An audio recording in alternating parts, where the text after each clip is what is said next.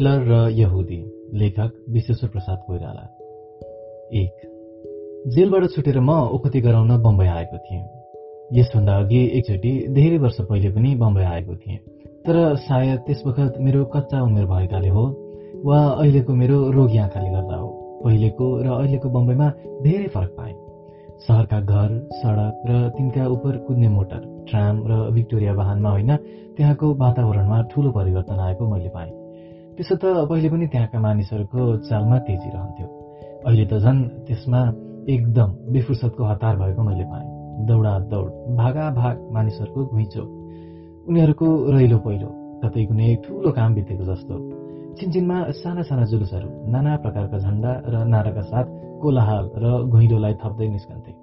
त्यसले गर्दा सडकमा कोलाहाल र घुइँचो त थपिन्थ्यो तर साथै सबैको यात्रा पनि थामिन्थ्यो। एकैचोटि असंख्य मोटरहरूको विभिन्न स्वरका हर्न बज्न थाल्थे र थामिँदै गएका ट्राम गाडीबाट तिखो तिर्र तिर्र गर्ने घन्टी चालकहरूको अधीर गोडाले थिचिएर रन्किन्थे भिक्टोरिया गाडीका कोच वाहनहरूको गालीका वचनभन्दा माथि उठेर जुलुसको नारा गुन्जिन्थ्यो। इन्कलाब जिन्दाबाद। पहिले आउँदा म माथि जुन सबभन्दा ठूलो प्रभाव पारेको थियो त्यो थियो सहरको व्यवस्थितता त्यहाँको साँधिएको वातावरण। नगरवासीहरू बडो शान्त किसिमले सभ्य जीवन बिताउँदो रहेछन् भन्ने लाग्थ्यो। व्यस्तता थियो कोलाहाल थिएन चालमा तेजी थियो हडबडी थिएन। त्यस महानगरीको ध्वनि बोलचालको स्वरभन्दा चर्को हुँदैन थियो। त्यस शान्त सभ्य वातावरणमा सहरका ठूला ठूला आलिसान महलहरू बडा प्रभावशाली लाग्थे। बाहिरबाट आउने पर्यटकहरूलाई लाग्थ्यो इमारतहरूले जितेको सहर हो यो। भिक्टोरिया स्टेशनबाट बाहिर निस्किने बित्तिकै जुन अजङ्गका अट्टालिकाहरू स्टेशनको घर डाकघर कर्पोरेसन अफिस सिनेमाघर र टाइम्स अफ इन्डियाको इमारतको छाया तल आफूलाई पाएपछि त्यो सहरको पहिलो प्रभावबाट ऊ कहिले पनि मुक्त हुन सक्दैनथ्यो। सुकिला लामा कोट लागेका सेटहरू र तिनका माताहतका कर्मचारीहरूले बम्बईको नागरिक जीवनलाई शिष्टताको शिक्षा दिएका थिए। जसले गर्दा सडकमा चिनेका मानिसलाई बोलाउँदा पनि कोही डाको स्वरमा कराउँदैनथे। केवल दाँतलाई तिचेर ओठले गोलाकार मुजा पार्दै मुखबाट तिखो सितकार छाड्थे एक दुईचोटि शिष्य। यसपालि भने असंख्य मानिसको उर्लिदो प्रभाव र त्यसबाट आकाशसम्म पुग्ने किसिमको ध्वनिले आँखा र कानलाई ढकमक्क ढाकिदिन्थ्यो। म एकछिन विमूढ भएर यस दृश्यलाई हेरिरहेँ। एकछिनका लागि मस्तिष्कमा विचार आयो अस्पष्ट प्रश्नको रूपमा यत्रो मानव प्रवाहको गन्तव्य कहाँ छ? यो कोलाहाल यो उछिन पाछिन यत्रो हडबडी के को लागि? केले लखेटिएका हुन् यसरी? कुन कुराबाट भाग्न खोजेको हो यो? ट्याक्सीवालको हतारको झर्को बोली कानमा पर्यो। कहाँ जाने हो? देखेपछिका लाम लागेका ट्याक्सीहरू असम्य भएर हर्न बजाइरहेका थियो। एउटा व्यग्र पुलिस पनि मुङ्लो हातमा घुमाउँदै हामीपट्टि आइरहेको थियो। मैले भने कुनै होटलमा पुर्याऊ। त्यस होटलमा स्थान नपाएर फर्किएर ट्याक्सीमा बसेपछि ट्याक्सीवालले गाडी स्टार्ट गर्न छाडेर आफ्नो सिटबाट पछि मतिर आधा झुकेर भन्यो सेठ तिमीले आउनुभन्दा पहिले नै कुनै होटलमा एउटा कोठा रिजर्भ गराएनौ? मैले भने यस्तो घुइँचो होला भन्ने मलाई के थाहा थियो र? उसले भन्यो ठाउँको असाध्य कमी छ यहाँ। लाखौँ मानिसहरू त्यसै फुटपाथमा सुत्छन्। खुला आकाश मुनि। म गम्न थालेँ। धरतीमा के अब आवासको लागि ठाउँ रहेन? मैले सोधेँ अब के गर्ने त? उसले भन्यो एउटा अर्को होटलमा लान्छु। सायद ठाउँ पाइहाल्छौ कि? गाडी स्टार्ट भयो। ट्याक्सीवाला भन्दै गयो धरतीमा अब ठाउँ छैन। मैले भने त्यसै तर्क गर्ने उद्देश्यले होइन। गाउँतिर यो घुइँचो किन लाग्दैन? त्यहाँ त मनज्ञ ठाउँ छ नि। उसले भन्यो त्यहीँबाट त आएर यहाँ थपिएको हो नि यो घुइँचो। गाउँको माटोले आफू कहाँ ठाउँ दिएन। म पनि पन्जाबबाट आएको यहाँ अमृतसर निरको एउटा गाउँबाट। मैले भने तिमी कहाँ बस्छौ यहाँ? उसले भन्यो यही ट्याक्सी हो मेरो घर। होटलमा चिया र भोजन गर्छु। तीन सडकको मध्येमा स्थित अलिसान होटलको अगाडि मोटरलाई झट्ट थामेर उसले भन्यो सेठ भित्र गएर सोध यहाँ पाइएन भने फुटपाथमा बस्नु पर्ला। रिसेप्सनिस्टले बडो सहानुभूतिको स्वरमा चच गर्दै भन्यो कोठा एउटा पनि खाली छैन। मैले भने के गरौँ त म? मैले सहरमा कतै ठाउँ पाइनँ। उसले काउन्टरको अर्को कुनामा बसेको मानिस कहाँ गएर कुरा गरेर आयो। र भन्यो बुइगलमा साना साना कोठा छन्। होचो छाना मुनि। त्यहाँ बस्ने भए हामी मिलाउन सक्छौँ। ट्याक्सी भल्लै पैसा तिरेर म होटलमा बसेँ। टाउकोमाथि होचो भए पनि यस बिरानो ठाउँमा मैले छानो पाएँ। त्यसैको सन्तोष थियो। बम्बईको जनारण्यमा खुला आकाश तल सिमेन्टको फुटपाथमा सुत्दा म आफूलाई सुरक्षित अन्तान्ने थिइनँ। जनसमूहको घुइँचोमा एकान्त निवास जतिसुकै साँगो र त्यो भए पनि त्यसले सुरक्षाको भावना दिन्छ। मातृगर्भमा खुम्चिएर डल्लो हुँदा पनि असुरक्षित त्यो शिशु रहँदैन। सुरक्षाको यत्रो खाँचोले मलाई हठात एक्लो पार्यो र म उदास भएँ।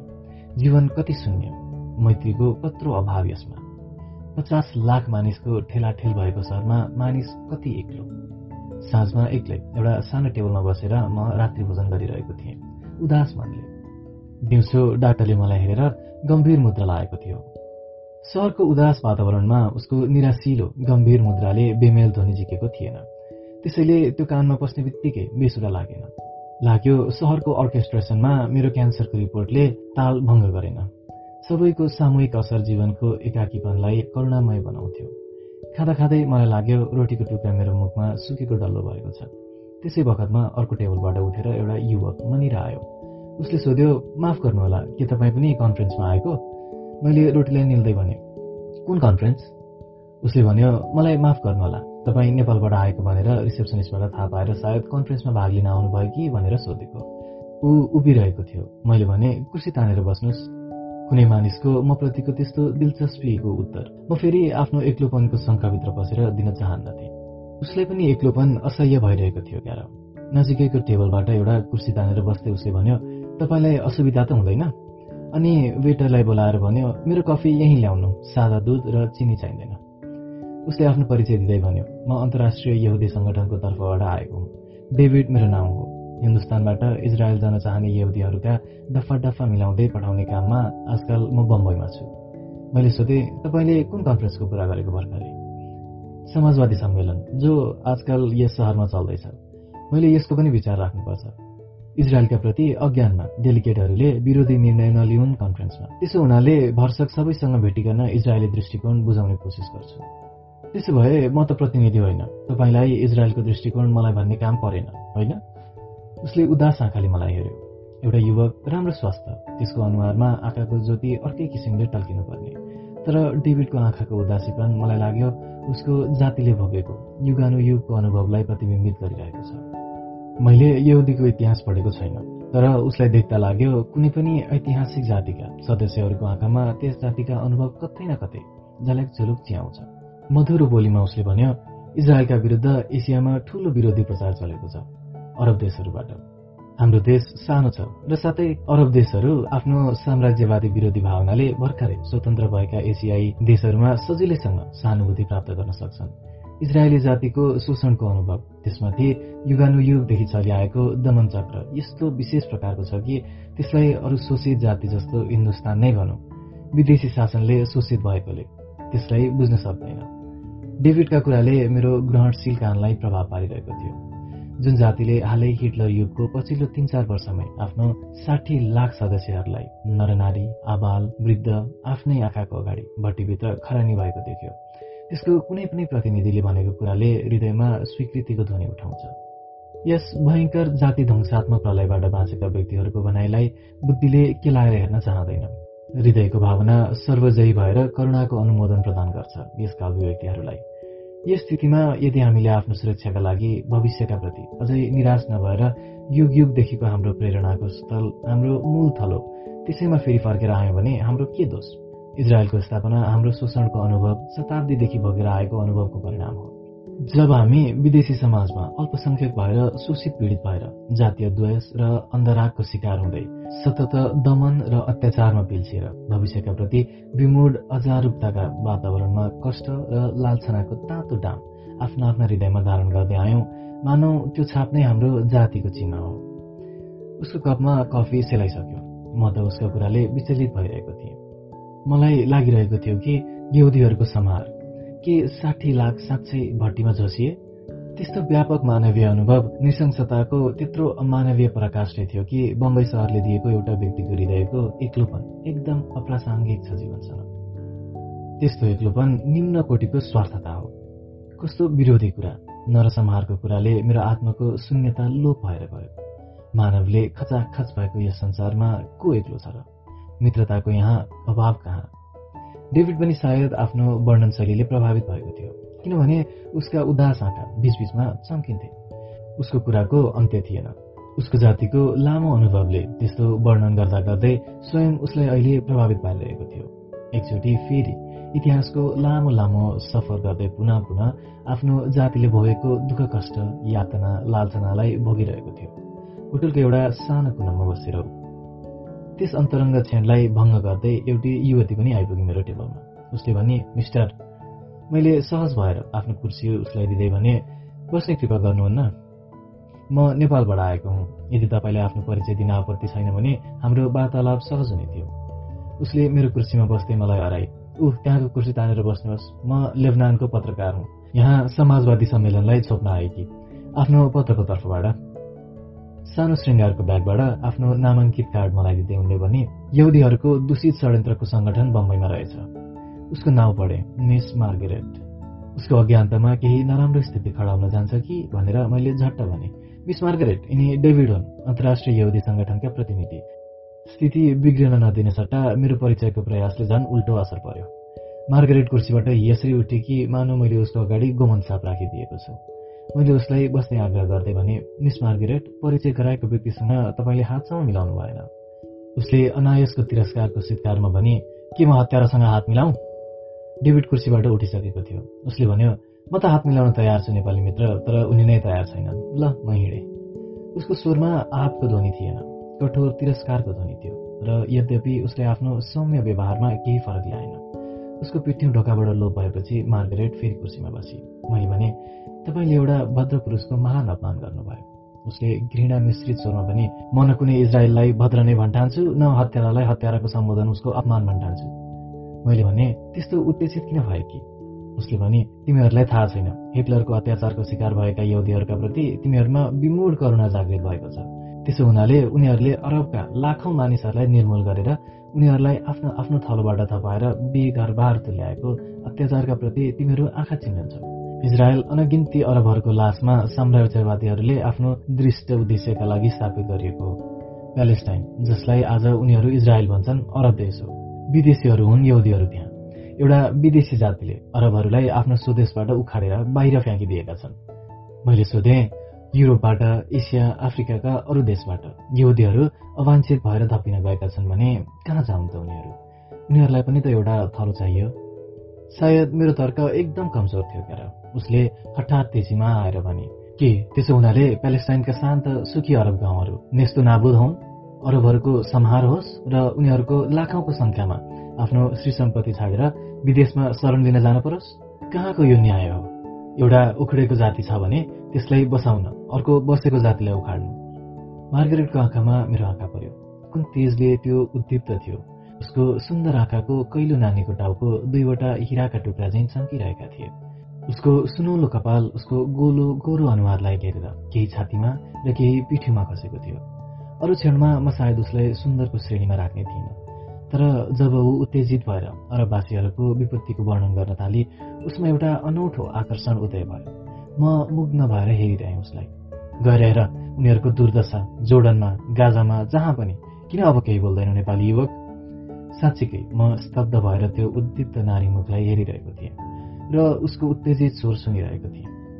मैले भन्ने कुरा केही नपाएर सोधेँ मिस मार्गरेट तिमी पनि अरब हौ? हुँ। तर नाम भने अरबी छैन नि? उसले भने मेरो क्रिस्चियन नाम हो म क्रिस्चियन हो। मलाई एकछिन हेरेर केही अनुत्तेजित स्वरमा उसले भने तिमीहरूलाई एसियामा ठुलो भ्रम छ। अरब इस्लामको अर्को नाउँ हो भन्ने। अरब जातिबोधक नाउँ हो। धर्मसँग केही यसको वास्ता छैन। अरबमा इस्लाम धर्मावलम्बीहरू बहुसङ्ख्यक छन् तर क्रिस्चियनहरू पनि छन्। सबभन्दा प्राचीन क्रिस्चियन संस्थाका मतावलम्बीहरू पनि त्यही छन्। लेबनानमा भने जनसङ्ख्या प्राय बराबर छ मुसलमान र क्रिस्चियनहरूको बीचमा। रात धेरै बितिसकेको थियो र भोजनालय बन्द हुने समय भएकाले वेटरहरू नलुकाइकनै हाई हाई गरिरहेका थिए। यो सङ्केत दिँदै कि हामीहरूको जाने बखत धेरै पहिले नै बितिसकेको थियो। मैले शिष्टतामा मार्गरेटको हात आफ्नो हातमा लिएर बिदा मागे। तपाईँसँग भेटेर मलाई बडो खुसी लाग्यो र साथै मैले धेरै कुरा जाने। उसको हात पसिनाले चिसो थियो। उसको हातको कोमलपन बाहेक अरू कुनै लक्षणको बोध मलाई भइरहेको थिएन। उसले जाने बखतमा भने सम्झिराखे इजरायललाई हामी मध्य सागरमा घचकेर डुबाइदिन्छौँ। म माथि बुइगलको आफ्नो कोठामा आएँ। माथि कोठामा आएर बिछौनामा लेट्दा पो थाहा पाएँ। रात कति बितिसकेछ र म कति शिथिल भएको रहेछु। अन्त्यचेतना र भावनाहरूको अन्तर्द्वन्दले निद्रा पटक्कै थिएन आँखामा। एक त कोठाको गर्मीलाई छानको सानो पङ्खाले गढाउन सकेको थिएन। लाग्थ्यो जन्तेसको तीव्र घुमाइले गर्मी थपिँदैछ। बम्बई अहिले सुतिसकेको थिएन होला। यद्यपि सन्ध्याको कोलाहाल अहिले शान्त थियो। अहिले सहर अन्तर्मुख भएर कोठा कोठाभित्र पसेको होला। अर्को व्यापारमा व्यस्त। मलाई लाग्यो म एकदम सुत्न सक्दिनँ। बीचबीचमा मार्गरेटको सम्झना हुन्थ्यो। उसको अरबपक्षीय उत्तेजनाले टल्किएको अनुहार मोटो शरीर र गोलो चेहरा र चिसो कोमल हात।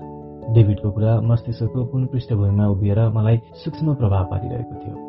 मार्गरेटले आफ्नो विचारले मलाई मानसिक द्वन्द्वमा पारिदिएकी थिए। मलाई सजिलो हुन्थ्यो यदि डेभिडको एक पक्षको कुरा मात्रै सुनेको भए। उसको शान्त र सौम्य व्यवहारले मनमा त्यसै भरोसा जागृत गर्थ्यो। तर मार्गरेटले त्यस्तो करुणाको चयन मलाई दिइन मेरा विचारलाई मात्र आन्दोलित गरिन् उसले। यसबाहेक हृदयको करुणाको प्रभावले एकदम बुद्धिको तर्कलाई सगर्व बगाएर लैजानदेखि पनि बचाए। उसको उत्तेजित कठोर शरीरले अर्कै द्वन्द्व पनि मेरो शरीरमा जगाइदिए। बम्बईको नसुतेको रातमा कोठामा बाफिलो गर्मी उसिनिँदै बराबर उसलाई सम्झिन थाले। तल सडकमा कहिले कहिले समुद्रबाट आएको हावा रुमलिएर बगेको जस्तो गर्थ्यो। माथि मेरो कोठासम्म पुग्न नसके मैले भने सक्दिनँ सुत्न जानु पर्यो हावा खान। यसो समुद्र तटतिर।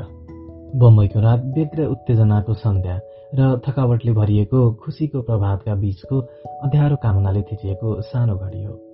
आकाशका तारा यति माथि पुग्छन् कि मर्त्यलोक झन् गहिरो गर्तमा भाषिन्छ यदि अन्धकारले पृथ्वीलाई पूर्ण रूपले ग्रस्त गरेको भए अँध्यारो कामनाले आहत पृथ्वी स्पन्दहीन मरेको सब हुने थियो। तर यहाँ त सडकका बत्तीहरूले र फाटफुट मोटरहरूको आगमनले सहर किचिएको मात्र छ निसासिएको जस्तो गिट गिट कण्ठमा प्राण बाँकी नै रहेको जस्तो। दयनीय छ बम्बईको रात। म सडकमा केही कदम अगाडि बढेको मात्र के थिएँ मन्दाकिनीको सर्पको खुसखुसी ध्वनिमा सुने। सेठ राम्री केटी चाहिन्छ भर्खरका तरुनी अर्ध तरुनी पनि प्रौढा समुद्रको हलुका बतास गल्लीको सुरुङबाट सोझै आइरहेको थियो। हावाले पिटीको बाटोमा अड्किएका पातहरूलाई हल्लाउँथ्यो। दायाँपट्टिको सिनेमा घरको मुखभागमा बलिरहेको चहकिलो बत्ती निस्तब्धतालाई झन् गाडा बनाइरहेको थियो। एउटा मोटर सहसा हाकिँदै कुद्यो र अलिक टाढाको मोडमा पीडाको चितकार गर्दै झन् कुदेर अलप भयो। बेविचार तुत पिम्पको सर्प बोली त्यसको त्यो रातमा अपेक्षित थियो। नसुनिएको भए त्यो बोली शून्य लाग्ने थियो। तस्विरमा कुनै स्थल खाली परे जस्तै। यहुदीको लड्की चाहन्छु कि सेट भर्खर पुनाबाट आएकी काला आँखा तरबारका धार जस्ता तिखाल घुम्रे कपाल। यही रात जस्तो कालो। लेबननकी अरबकी केटी। केराको थाम जस्तै छन् उसका जङ्गा। तालिमी उद्धार नर्तकी गोपनीय आहालका सन्तोषकी जात गर्ने। ताजमहल होटलसम्म पुग्दा पनि मेरो प्रतिक्रिया नदेखेर आफ्नो विफलतामा रिसाएर उभियो। त्यो मसँग अगाडि बढेर आएन। म अगाडिको चौडा पटाङ्गिनीलाई पार गर्दै गेटवे अफ इन्डियापट्टि लागे ऊ आफ्नो सराग बडबडाउँदै कुनै उदार सहयोगी ग्राहकको तलासमा फर्केर गयो। पत्थरको सिडीमा बसेर समुद्रको तलमा गोडा झारे एक दिनभरिमै खत्रो परिवर्तन ममा कि आफ्नो रोगको सङ्कीर्ण स्वार्थको सिपीबाट फेरि त्यसभित्र पस्न नसक्ने भएर बाहिर निस्किएँ सल्लाह अब फुल खेल्न फेरि पस्न सक्दैन। दिउँसो दस बजीतिर यस महानगरीमा पसेको थिएँ। अहिले राति बाह्र बजे मलाई लाग्यो म अब यहाँ दस बजे पुग्ने मानिस होइन। क्यान्सरको टाटा अस्पतालको मेरो डाक्टरले परीक्षा गरिसकेर हात धुँदा चच गरेर मुन्टो हल्लाएको थियो। बेलुका खाने टेबलमा मार्गरेट र डेभिडका कुरा सुनेका थिए र लगत्तै एउटा दलालको फसफसे आग्रहको क्षणिक अनुभव भएको थियो। त्यति त हो नि आज दिनभरिमा घटेका घटनाहरू। हो यस महानगरीको जनारडियाको कोलाहाल विराम गतिले नजिकैको जल प्रताप जस्तो मेरो कानमा परिरहेको थियो। स्टेजको पृष्ठपट जस्तो। बम्बईपट्टि पिठ्यु फर्काएर पश्चिमतिरको महाअन्धकारतिर चियाएर बसिरहे केही बेर। रात्रि र समुद्र एकाकार भएका थिए। बाक्लो कालो अविच्छिन्न अभिन्न एकतामा अवलीन भएर तटमा पानीको असङ्ख्य हत्केला पृथ्वीलाई थपथपाइरहेका थिए। सुत नानी सुत। अमोद बिहारका लागि बनेका डुङ्गाहरूको क्रम जस्ता हल्लिरहेका थिए। देव्रे हातपट्टि केही टाढा एउटा विशाल राजप्रसाद जस्तो विदेशी यात्री जहाज हजारौं बत्तीले जगमगाइरहेको थियो। सायद समुद्र यात्राका लागि तत्पर होला। तर अहिले चहल पहल छैन। यस रात्रिको क्षणमा एउटाले अर्कोलाई बिर्सिसकेको हुन्छ। म मात्र पत्थरको सिँढीमा बसेर सबै वस्तुलाई बिर्सेर हेरिरहेको छु दर्शक भएर। आज मेरा आँखा जागरुक भएका छन्। गेटवे अफ इन्डियाको छाया तल एउटा मराठी जोडा तरुण युवा युवती निश्वासित आलङ्गिनमा यसरी अडिएका छन् कि मानौ तिनीहरू निर्जीव मूर्ति हुन्। गाडिएका कुनै ठूलो रोदनद्वारा मिथुनको भावनालाई परिलक्षित गर्दै।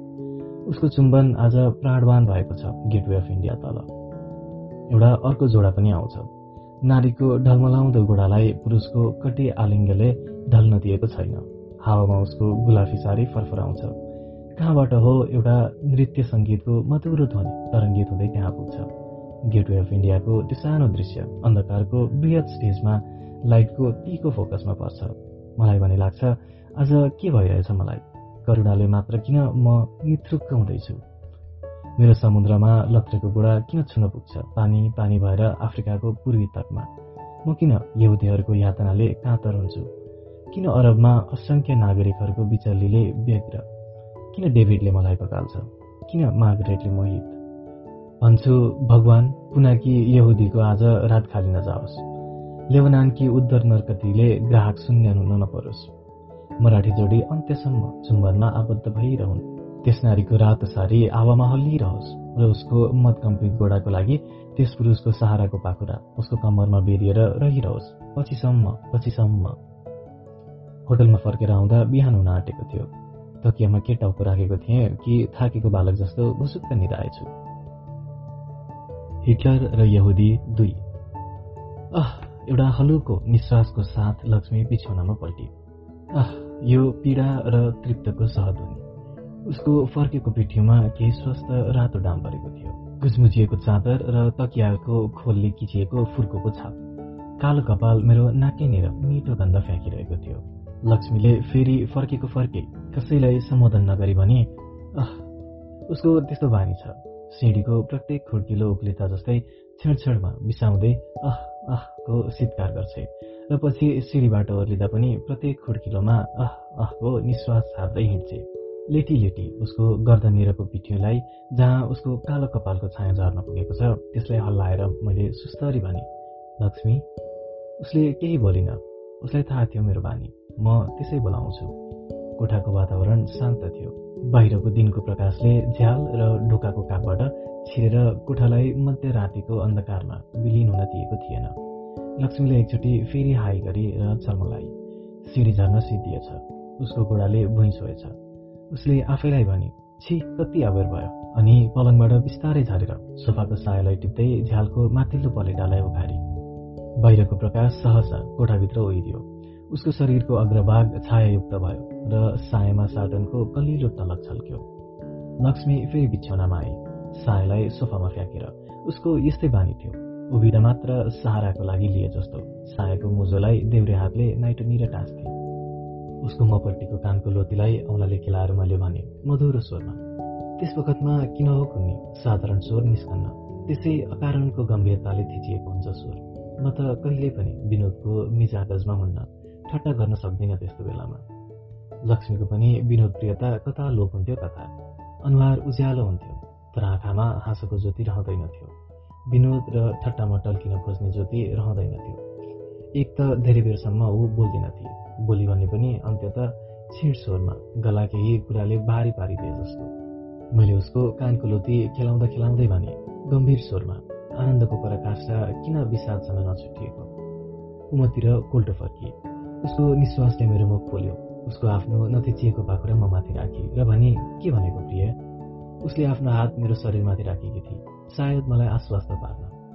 यस्तै क्षणमा त पुरुषलाई नारीको आश्रयको दरकार पर्छ क्यार तर लक्ष्मी स्वयं नै कुन निश्चिन्त थिए र? उसको सुखको ध्वनि त झन् पीडाको आर्तनादसँग नछुट्टिने सिक्कार थियो। उसको स्वाभाविक चाँचल्य लोप भएको थियो झरी थामिएर ठुलो सरोवर भएको जस्तो। मैले सोधेँ लक्ष्मी तिमीलाई कस्तो अनुभव भयो भर्खरै? यस्तो प्रश्न साधारण स्थितिमा जिस्काएका जस्तो हुने थियो। अनुभवको काँचो स्थलमा हृदयहीनताको स्पर्श जस्तो। लक्ष्मीले झट्ट प्रश्नको नग्नतालाई बुझेर या त तीको जवाफ दिने थिए या आफ्नो रसिलो स्वभावमा आफ्नो उत्तरलाई विनोद र परिहासमा परिणत गर्ने थिए अहिले भने उसका आँखा एकछिन चले नानीमाथिपट्टिको पहिला तल डुबे। आँखा थुनियो उसको। पक्षको समुद्रभित्र अनुभवको उन्मुक्ति खोज्न भनेर। आँखा उगारेर भनी सुस्तरी ब्रह्मानन्दको। यो यस्तो अनुभव हो जसबाट गुज्रेपछि मानिस फेरि उही मानिस रहँदैन। अर्को भएर निस्कन्छ। मेरो अगाडिका लक्ष्मी यही त हो होइन? हो साँच्ची। यो त मलाई थाहा थियो। अनुभवको माथिल्लो चोटीमा पुगेपछि होस् चाहे त्यसको सतहमा। अनुभवले मानिसको व्यक्तित्वमा डाम डामेर छाड्छ छाड्छ। शरीरमा भन्दा चेतनाको मर्मको केन्द्रस्थलमा। यही कुराले त मैले उसलाई भनेको थिएँ बम्बईबाट आएर। उसले मेरो काँधलाई हल्लाएर सोधेकी थिए बेग्र भएर। किन?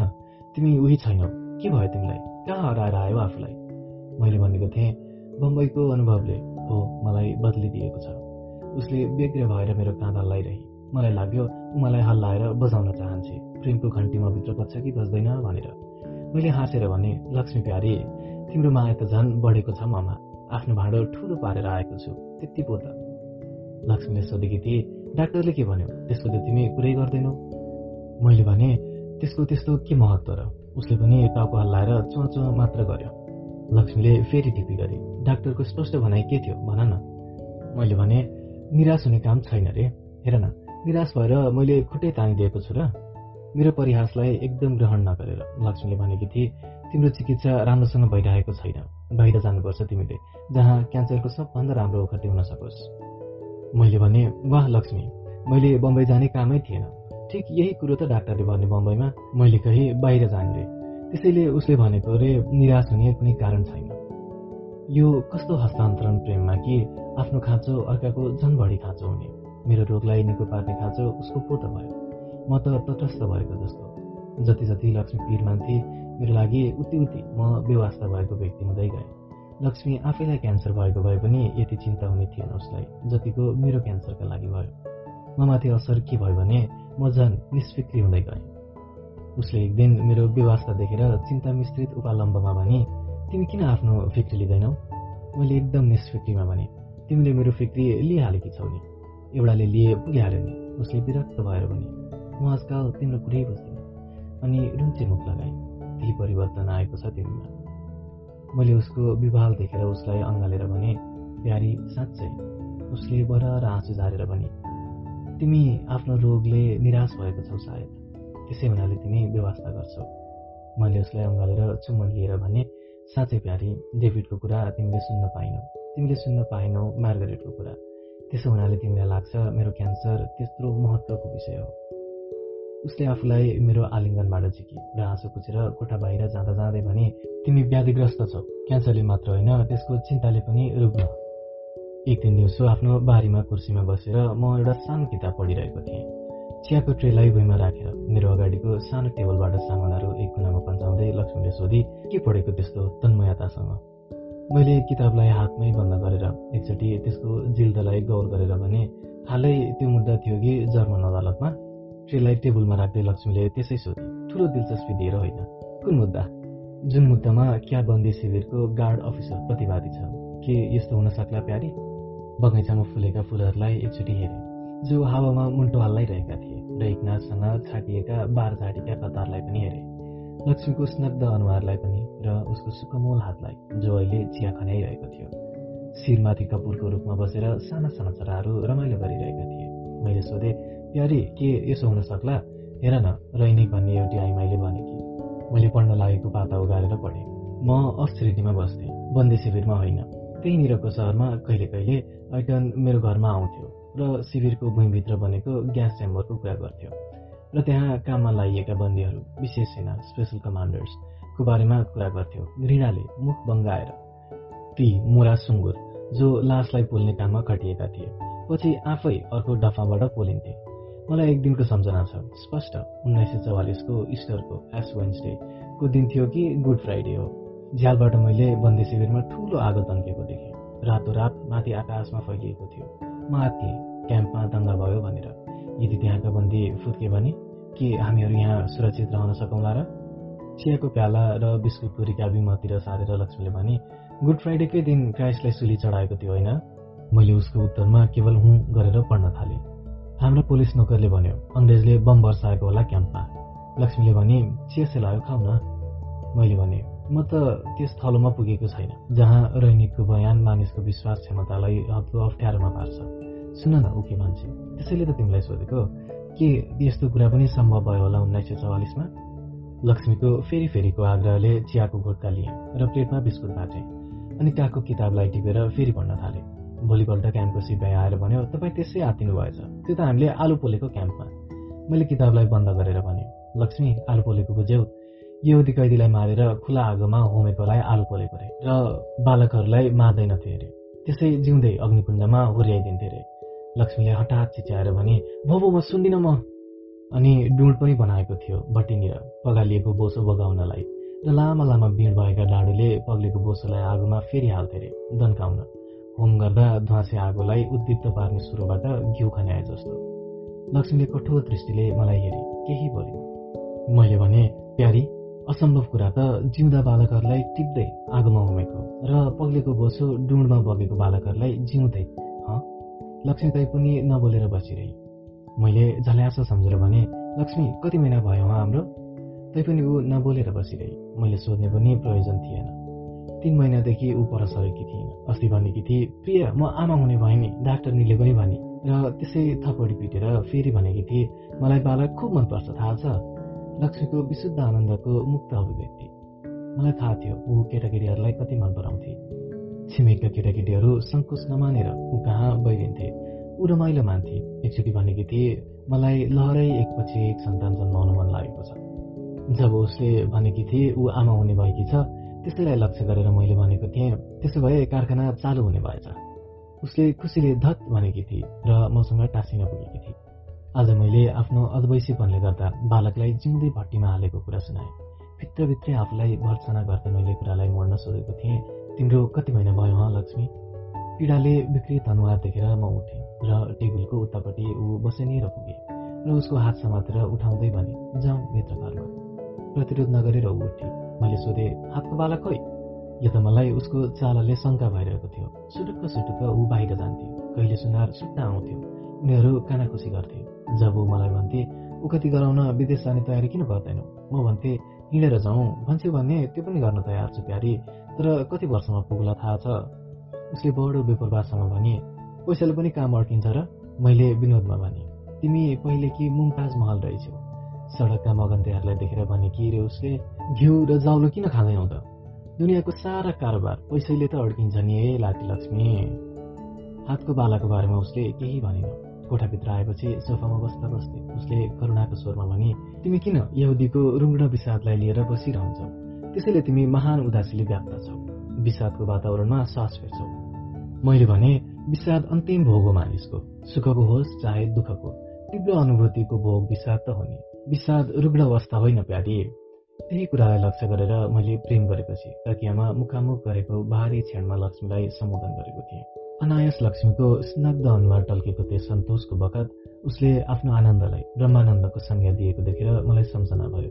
ठुला ठुला ऋषि योगीहरूको वचन जसमा परमानन्दको चर्चा रतिसँग गरिएको छ सम्भोग सुखलाई नै हजारौं गुणले तीव्रतम बनाएको आनन्द। लक्ष्मीले राति सुखलाई ब्रह्मानन्दको संज्ञा दिएको थिए। मैले भने आनन्दको सीमालङ्घन नै त देवत्व हो होइन र? लक्ष्मीले भने त्यसैले त त्यस्तो अनुभवले मानिस अर्को भएर फेरि झर्छ साधारण जगतमा। तर किन यस्तो शिथिलता यस्तो उदासी यस्तो विषाद? उसले मेरै जस्तो ध्वनि झिकी यसपालि र भने सुखको चरमावस्था अद्भुत प्रशान्त गम्भीरता हुँदो रहेछ जहाँ विषादको रूप छुट्याउन गाह्रो पर्छ। दुःख होइन विषाद प्यार। त्यो त जीवनको गहिराईको नाप हो। जीवन के हो? किन जीवन सम्बन्धी प्रश्न यस्तै घडीमा मात्र उठ्छ? जबकि विवहल प्रेमले आनन्दको सन्तोष पाउँछ या जब विवहलता थपिँदै गएर प्रशान्त महासागरमा गहिराई प्राप्त गर्छ या जब मानिसहरू शिशुहरू अग्निकुण्डमा होमिएको चरमदित गवाह बन्न कर लाग्छ र यस्तै घडीमा मान्छेमा प्रकाण्ड परिवर्तन पनि आउँछ। ऊ स्वयं भन्छ म अर्को भएको छु। यस अनुभवले मलाई एकदम भिन्न व्यक्ति बनाएको छ र अर्थको बन्धनबाट मुक्त भएको मौलिक ध्वनि निस्कन्छ प्राणको केन्द्रबाट। कति बेरसम्म यस्तै विचारमा डुबिरहे मलाई पत्तो भएन। लक्ष्मी पनि निशब्द भएर लटेकी नै थिए। कहिले उठिछ कहिले लुगा लगाइछ र कहिले श्रृङ्गार गरेर श्रृङ्गारको टेबलबाटै मलाई भने उसको अनुहार अद्भुत सुन्दरताले जगजगाइरहेको थियो। लाग्थ्यो जीवनमा सूर्य उदय भयो। अब कहिले पनि अँध्यारो हुँदैन पृथ्वी। अब तिमीले धेरै काम गर्नु छ नि? श्रृङ्गार टेबलको घरबाट रुमालमा बेरेको एउटा मुठो झिकेर भने यहाँ सबै थोक छ फर्महरू तस्विर र रुपियाँ। अब तिमीले भोलि मन्त्रालयमा गएर पासपोर्ट बनाउनु र ब्याङ्कमा गएर विदेशी मुद्रा लिनु परेको छ। ब्याङ्कले साटिदिन्छु भनेको छ। पासपोर्ट लिएर जाने बित्तिकै पासपोर्टलाई पनि गाह्रो पर्दैन रे मैले सब मिलाइसकेकी छु। विचारको दुनियाँबाट मलाई झिकेर उसले दैनिकताको दुनियाँमा उभ्याइदिए र कस्तो अचिन्त्य किसिमबाट। एकछिन त मैले केही बुझ्न सकिनँ। बुझ्ने बित्तिकै म त्यस ज्ञानले अभिभूत भएँ। मैले विमूर्तमा यति मात्र भने बिछौनामा जुरुक्क बसेर के गरे कि तिमीले? उसले सहज ढङ्गबाट भने के गरेर? तिमीले औषधि गराउने जिम्मा मलाई दिएका थियौ होइन? मैले भने मेरै घरमा मेरै पिठ्यौपछि कत्रो षड्यन्त्र भइरहेको रहेछ। मलाई थाहा थिएन। मैले खाटबाट तल ओर्लिँदै भने तिम्रो गहनाहरू कहाँ छन्? उसले त्यसको सोझो उत्तर दिइन् भने छि स्वास्नी मान्छेका कुरामा तिमीलाई के को त्यस्तो खाँचो बाला कहाँ छ? तिलहरा कहाँ छ? टप? मैले मर्माहत भएर सोधेँ बेच्यो होइन? बन्धक राख्यो होइन? मलाई रुपियाँ जोड्न? उसले मेरो ड्रेसिङ गाउन मलाई उडाइदियो र टाँसिएर भने गहना मात्र किन? तिम्रो खाँचो टार्न म आफ्नो शरीरलाई पनि बेच्छु। बन्धक राख्न सक्छु प्राण। उसको वचनमा बनावटी व्यङ्ग थिएन। हृदयको सोझो कुरा भनिरहेकी थिए। सोझो भाषामा। त्यस रात मलाई प्रेमको अप्याम्य रीतिले धेरै बेरसम्म बिउजाइ राख्यो उसको प्रेमको माग म बुझ्थेँ। उसको शरीरको प्रत्येक अङ्गले दिएको मुख सङ्केत। बिछ्याउनमा पल्टिने बित्तिकै उसले यति मात्र भनेकी थिए। आज र भोलिको रात मात्र त हो नि तिमी मसँग सुत्ने। पर्सि त गइहाल्छौ विदेश उसको शरीरको तातो स्पर्श मेरो शरीरले ठाउँ ठाउँमा पायो। मैले उसलाई आलिङ्गनमा बाँध्दा बाँध्दै दिउँसो उसले आफ्नो शरीरलाई बन्धक राख्ने कुराको अर्ध क्षणका लागि मलाई सम्झना भयो। अर्ध क्षणका लागि लाग्यो यो सुन्दर शरीर अर्काको भागमा पनि लाग्न सक्छ। अर्ध क्षणका लागि ईर्ष्याको सुल पनि बिजेको जस्तो भयो भित्र मर्ममा।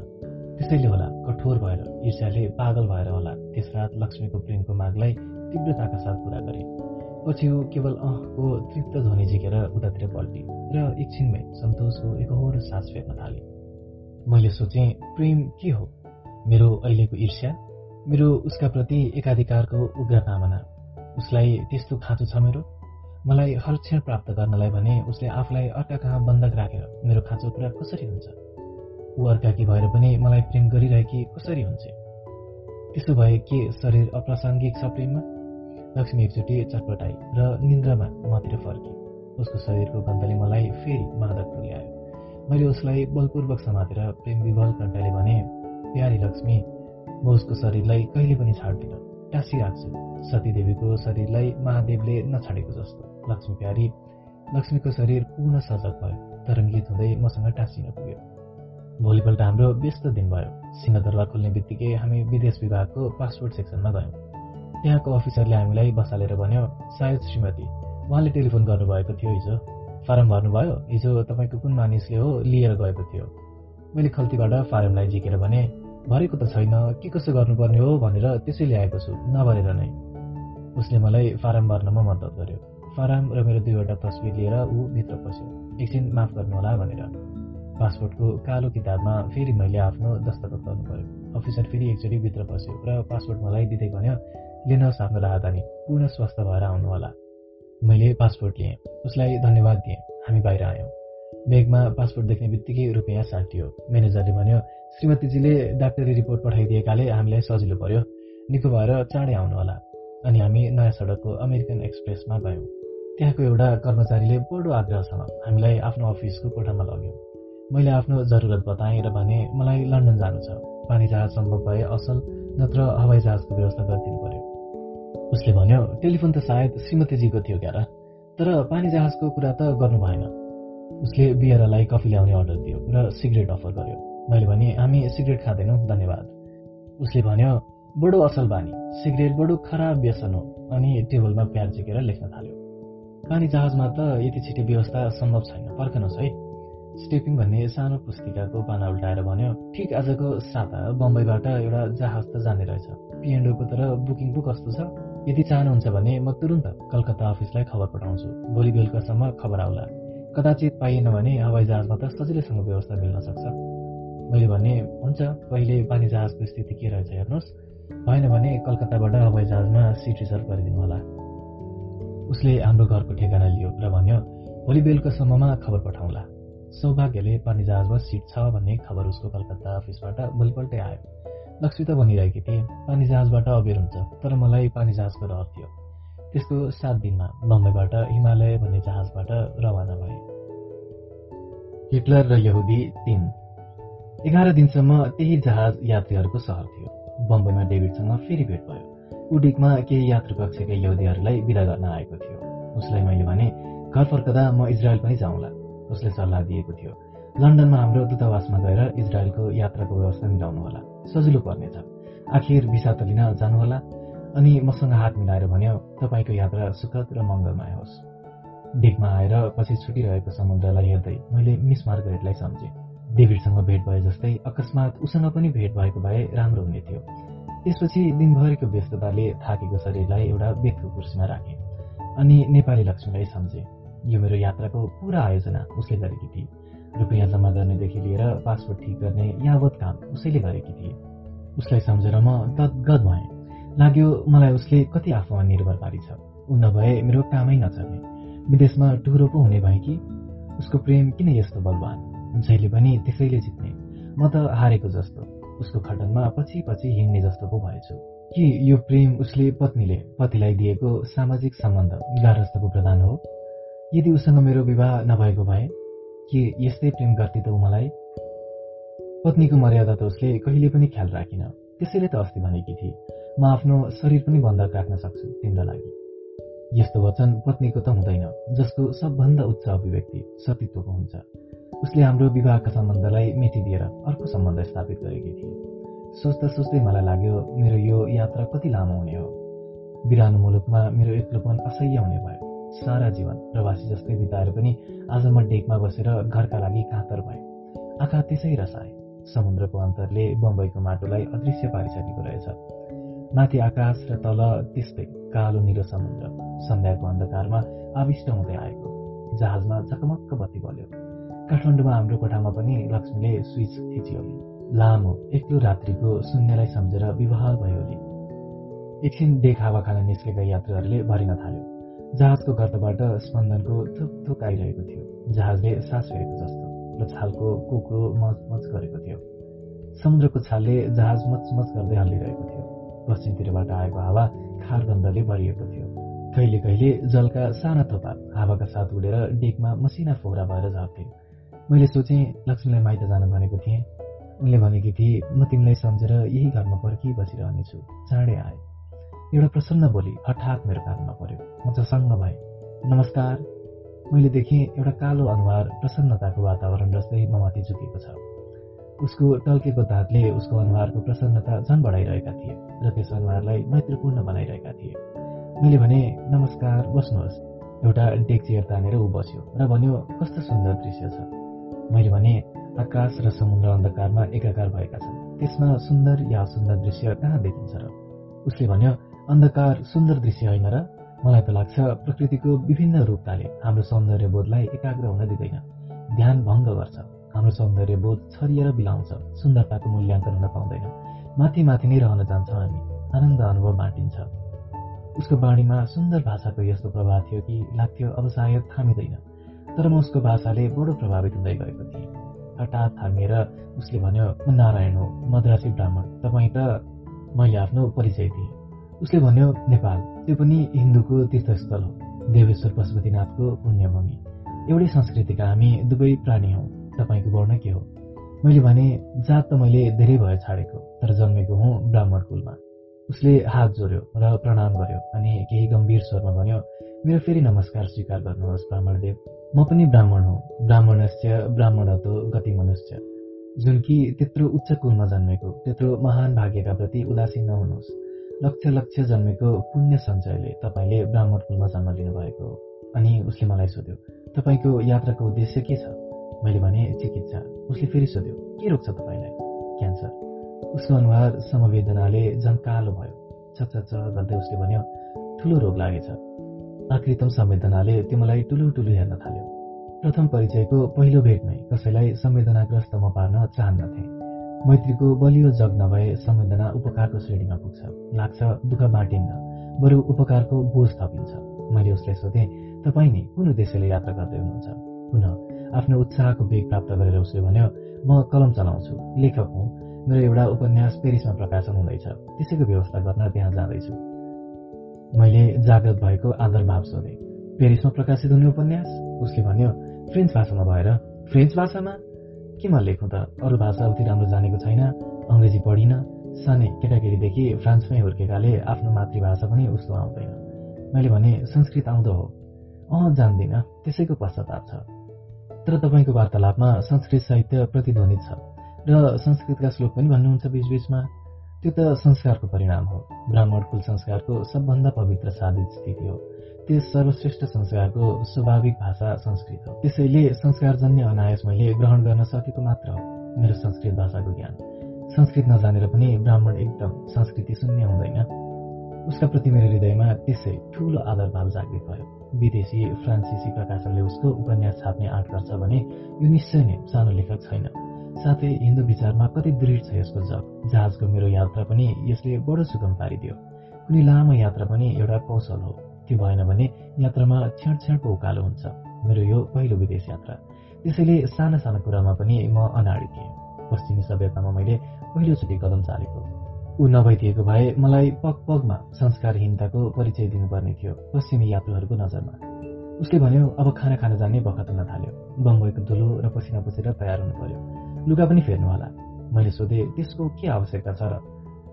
उसले भन्यो आवश्यकताका कुरा मात्रै गर्ने अटुट लिनुभएको छ।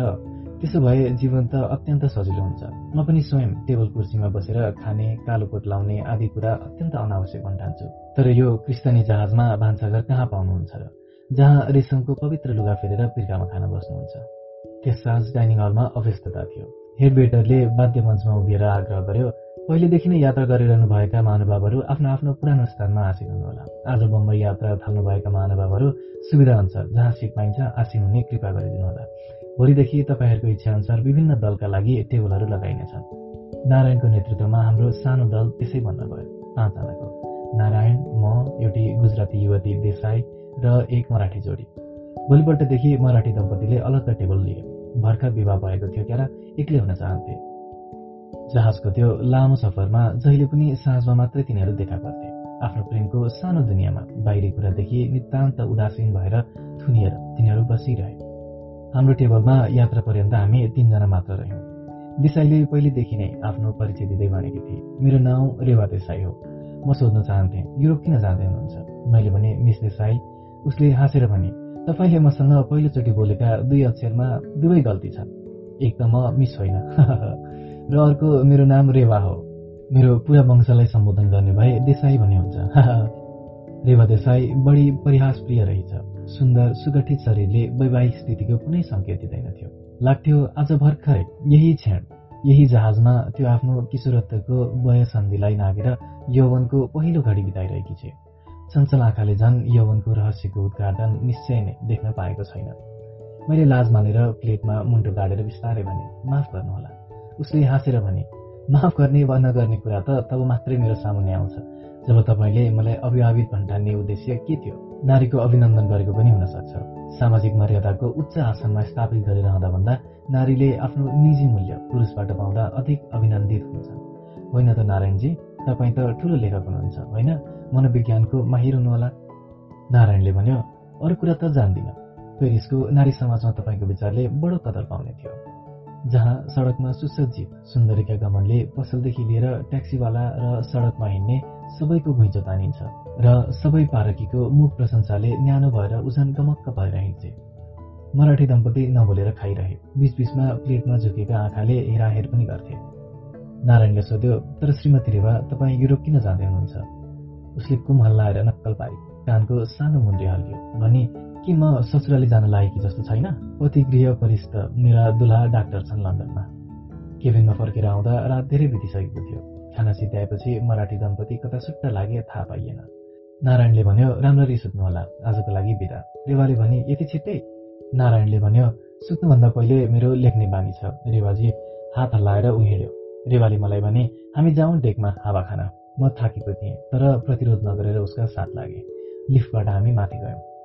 उसलाई त्यसै रमाइलो लागिरहेको थियो क्यार। भने कस्तो सुन्दर रात कस्तो शीतल वायु। मैले केही बोलिनँ। उसले भने किन यस्तो गुम्सुम? कि निन्द्र लाग्यो? मेरो अनाग्रता बुझेर उसले भने हो त तिमी जाऊ म एकछिन यहीँ बस्छु हावा खाएर कोठामा आएर बिछौनामा लेटेँ दिनभरिको असाधारण किसिमको धपिडीले र जहाजको नौलो ठाउँमा नौलो मानिसहरूसँग आफूलाई समन्वय गर्नु परेकाले शरीर र मन बडो कलान्त थियो। नारायणको सौहार्दपूर्ण उत्साहसँग मलाई डेग मिलाउन धौ धौ थियो। झन्डेवाको सौन्दर्यपूर्ण उत्साहले मलाई स्वा स्वा गराएको थियो। सायद दुवैको उत्साहको हेतु उनीहरूको निश्चित विश्वास थियो। आफ्नो आफ्नो आस्था। एउटा हिन्दुत्वको परम सत्यको उपरको आस्था। अर्कीको नारी सौन्दर्यको विजय स्वभावको उपरको आस्था। मलाई त यस्तो अडिक आस्था कुनै कुरामा पनि भएन।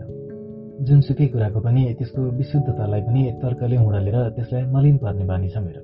लक्ष्मीलाई त मैले बुझ्न सकेको छैन जो मेरो सामुन्ने सर्लङ्ग भएर उम्रिन्छे उसको प्रेमलाई त बुझ्न सक्दिनँ म र सोध्छु प्रेमको रीति के निराला हुन्छ? भोलिपल्टदेखि जहाजको जीवन व्यवस्थित भयो। समुद्रको असीम फैलावट उप र त्यस्तै असीम आकाश तल हाम्रो आधार त्यही क्षुद्र नौका थियो जो एक नाचसँग घुँ घुँ गरेर पौडिरहेको जस्तो। कहिले कहिले आन्दोलित समुद्रमा थकित भएर चित्कार गर्न थाल्थ्यो। कटट कटट कटट कट्ट र लहरका पहाड बोकेरका उप बजिन्थे र ऊ एक क्षण पानीभित्र लोप हुन्थ्यो र नित्रक्क भएर निस्किन्थ्यो। यस्तो क्षुद्र तरुणी नै हाम्रो आधार हुन्थ्यो यात्राभरि। त्यसैले होला जीवनको गति हठात जहाजको यात्रामा तीव्रतम हुन्छ। मित्रता चाँडै रचिन्छ। द्वेषको अग्नि उति नै चाँडै प्रज्वल्य वासना त्यसै अधीर हुन्छ र यदि मानिसको उपयुक्त वृत्ति छ भने असांसारिक चिन्तनमा उस्तै तल्लिन्छ मानिसको आफ्नो आफ्नो वृत्ति उग्रतम स्थितिमा पुग्छ। यात्राको दोस्रो दिनसम्म जतिसँग मेरो जहाजमा परिचय भयो तिनीहरूको समाजभित्रै बाफिएर मेरो एघार दिनको यात्रा समाप्त भयो। तिनीहरू सबैले मेरो भावनामा कहिल्यै पनि नमेटिने छाप छाडेर गए। त्यही सानो समाजभित्रै मानव भावनाको व्यापक क्षेत्रमा पाइने सुख दुःख आशा निराशा सन्तोष प्रेम मैत्री र वितृष्णा पनि अनुभव मलाई भयो। देख्ने कुरा पनि धेरै देखेँ। लाग्यो मेरो दृष्टि असाधारण किसिमसँग तीक्ष्ण भएको छ। बिहान दैनिक क्रियाबाट निवृत्त भएर लुगा फेरिरहेको थिएँ। जलपानको समय पनि भइरहेको थियो कि स्टुवार्डले आएर एउटा कार्ड दियो। त्यसमा एकापट्टि नाउँ छापिएको थियो अनि अर्कोतिर अभिवादनको साथ हातले लेखिएको। म र मेरो छोराको साथ आज दिवा भोज गर्ने कृपा भए म अनुग्रहित हुने थिएँ। मैले स्टुवार्डलाई सोधेँ कसले दियो यो कार्ड? बाहिर लाउन्जमा पर्खेर बस्नुभएको एउटा युवकले लुगा लगाएर कार्ड लिँदै स्टुवार्डको पछि पछि म लाउन्जमा गएँ। एउटा सुन्दर गोरो युवकले मलाई उठेर अभिवादन गर्यो र भन्यो तपाईँ होइन नेपालबाट आउनुभएको? मेरो बा तपाईँसँग भेट्न अत्यन्त इच्छुक हुनुहुन्छ। मैले भने धन्यवाद तपाईँका पिताजीको निमन्त्रणा मलाई सहर्ष स्वीकार छ। धन्यवाद भनेर ऊ गयो। त्यसै बखत रिवा पनि आइपुगे खस्याङ खस्याङ गर्दै। देखेँ आज साडी लगाएकी थिइन। निलो थोप्ले स्कर्ट र सादा सेतो जम्पर लगाएकी थिए र कपालको जुरोलाई पातलो रुमालले बाँधेकी थिए। गालामा हलुको लाली थियो अनि त्यस्तै ओठमा पनि। नराम्रो लागेन। बरु युवतीबाट फेरि फर्केर किशोरी हुन पुगेकी जस्तै। उसले नबुझे जस्तो गरेर भने के हेरिरहेको यसरी? राम्री लाग्दिन म? मैले भने त्यसैले त हेरिरहेको। हिन्दुस्तानी स्वास्नी मानिसलाई सहसा अङ्ग्रेजी पोसाक खोल्दैन तर तिमीलाई खुब सुहाउँदो रहेछ। उसले भने विवाह हुनुभन्दा पहिलेसम्म म यस्तै लुगा त लाउँथेँ नि। ससुरालीमा मन पराएनन् भनेर साडी लाउन थाले कि। राति राम्ररी निन्द्रा पर्यो कति छिट्टै शुद्ध रहेछौ तिमी त। म बिहान उठेदेखि तिमीलाई सम्झिरहेको छु। बिचरा मैले निन्द्र खल्पो ल्याइ त दिइनँ। त्यसैले तयार हुने बित्तिकै कहिले निस्कौला कोठाबाट भनेर बाहिर रेलिङमा अडिस लागेर पर्खिरहे। तिमी त फुत्त निस्केर कतै नहेरी सोझै लाउतिर पो त लाग्यो। म तिम्रो पछि लाग्दै यहाँ पुगेको सुँधु भनेर। राम्रो निन्द्रा पर्यो राति? मैले भन्ने आवश्यकता नै छैन। कति सहज किसिमबाट रेवाले मलाई तिमी भन्न थाले। पुरुषको अधिकारले मैले पनि उसलाई तिमी भन्न थालिसकेको थिएँ जहाजको सङ्कुचित अस्तित्वले प्रदान गरेको साक्ष्यवाद। डाइनिङ हलमा हाम्रो टेबलमा पुग्दा नारायणले उठेर नमस्कार भन्यो तपाईँलाई पर्खिँदा पर्खिँदा रेवाजी तपाईँ त एकदम युरोपियन केटी हुनुभएछ। आज त मराठी दम्पति पनि अर्कै टेबलमा बसेका छन्। हामी तिनजना मात्र छौँ यहाँ। टेबलमा बिहाईले झट्ट रेवाको कुर्सी तान्यो। उस खटलाई दुवै हातले अघिल्तिर तानेर बसे। मैले बस्दा बस्दै मराठी दम्पतितिर हेरेँ। हिजो बेलुकाको जति लाज अहिले केटीमा थिएन। दुलासँग बिस्तार बिस्तार गरी कुरा गरिरहेकी थिए। सायद उनीहरूको भर्खरै विवाह भएको हो क्यारे।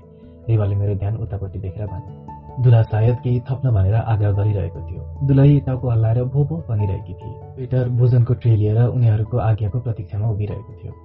रेवाको वाक्यले मेरो आँखा उताबाट फर्केर आफ्नो टेबलमा आयो। रेवा मलाई हेरिरहेकी थिए।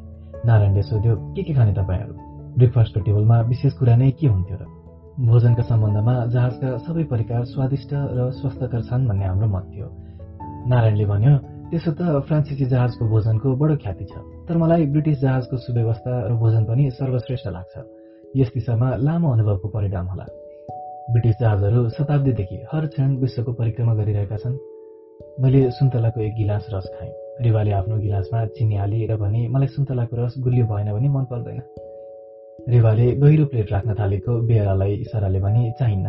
अनि हामीतिर फर्केर भने एका बिहानै दुध र अन्नले पेट भर्यो भने दिनभरि के गर्ने नि? मैले कर्नफ्लेक्स र दुध लिएँ नारायणले पोरिज र दुध। प्लेटमाथि दुधको धारा चुहाउँदा चुहाउँदै मैले भने आज दिउँसो त मलाई एउटाले खाना बोलाएको छ।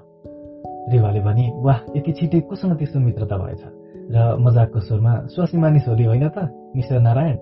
नारायणले मुखभरिको पुरुषलाई निरेर न्यापकिनले ओट पुस्दै मजाकै स्वरमा भन्यो तपाईँसँगको मित्रता पनि त केही घन्टा मात्रको नै होइन र हिजो बेलुकादेखिको। र तपाईँ पनि त स्वास्नी मानिस हो नि।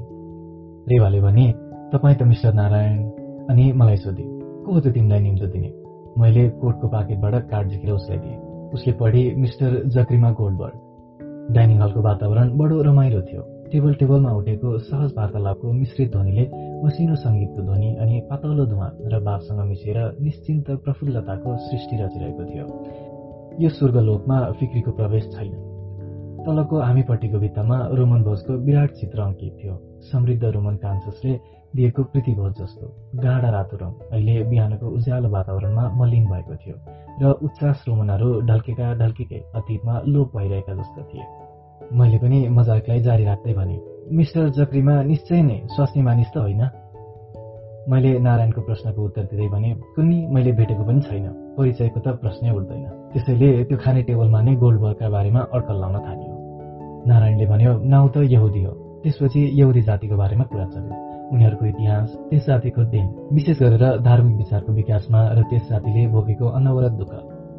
मलाई इतिहासको उस्तो ज्ञान छैन तर टेबलमा बसेर केवल ज्ञान प्रकाशन त कोही गर्दैन।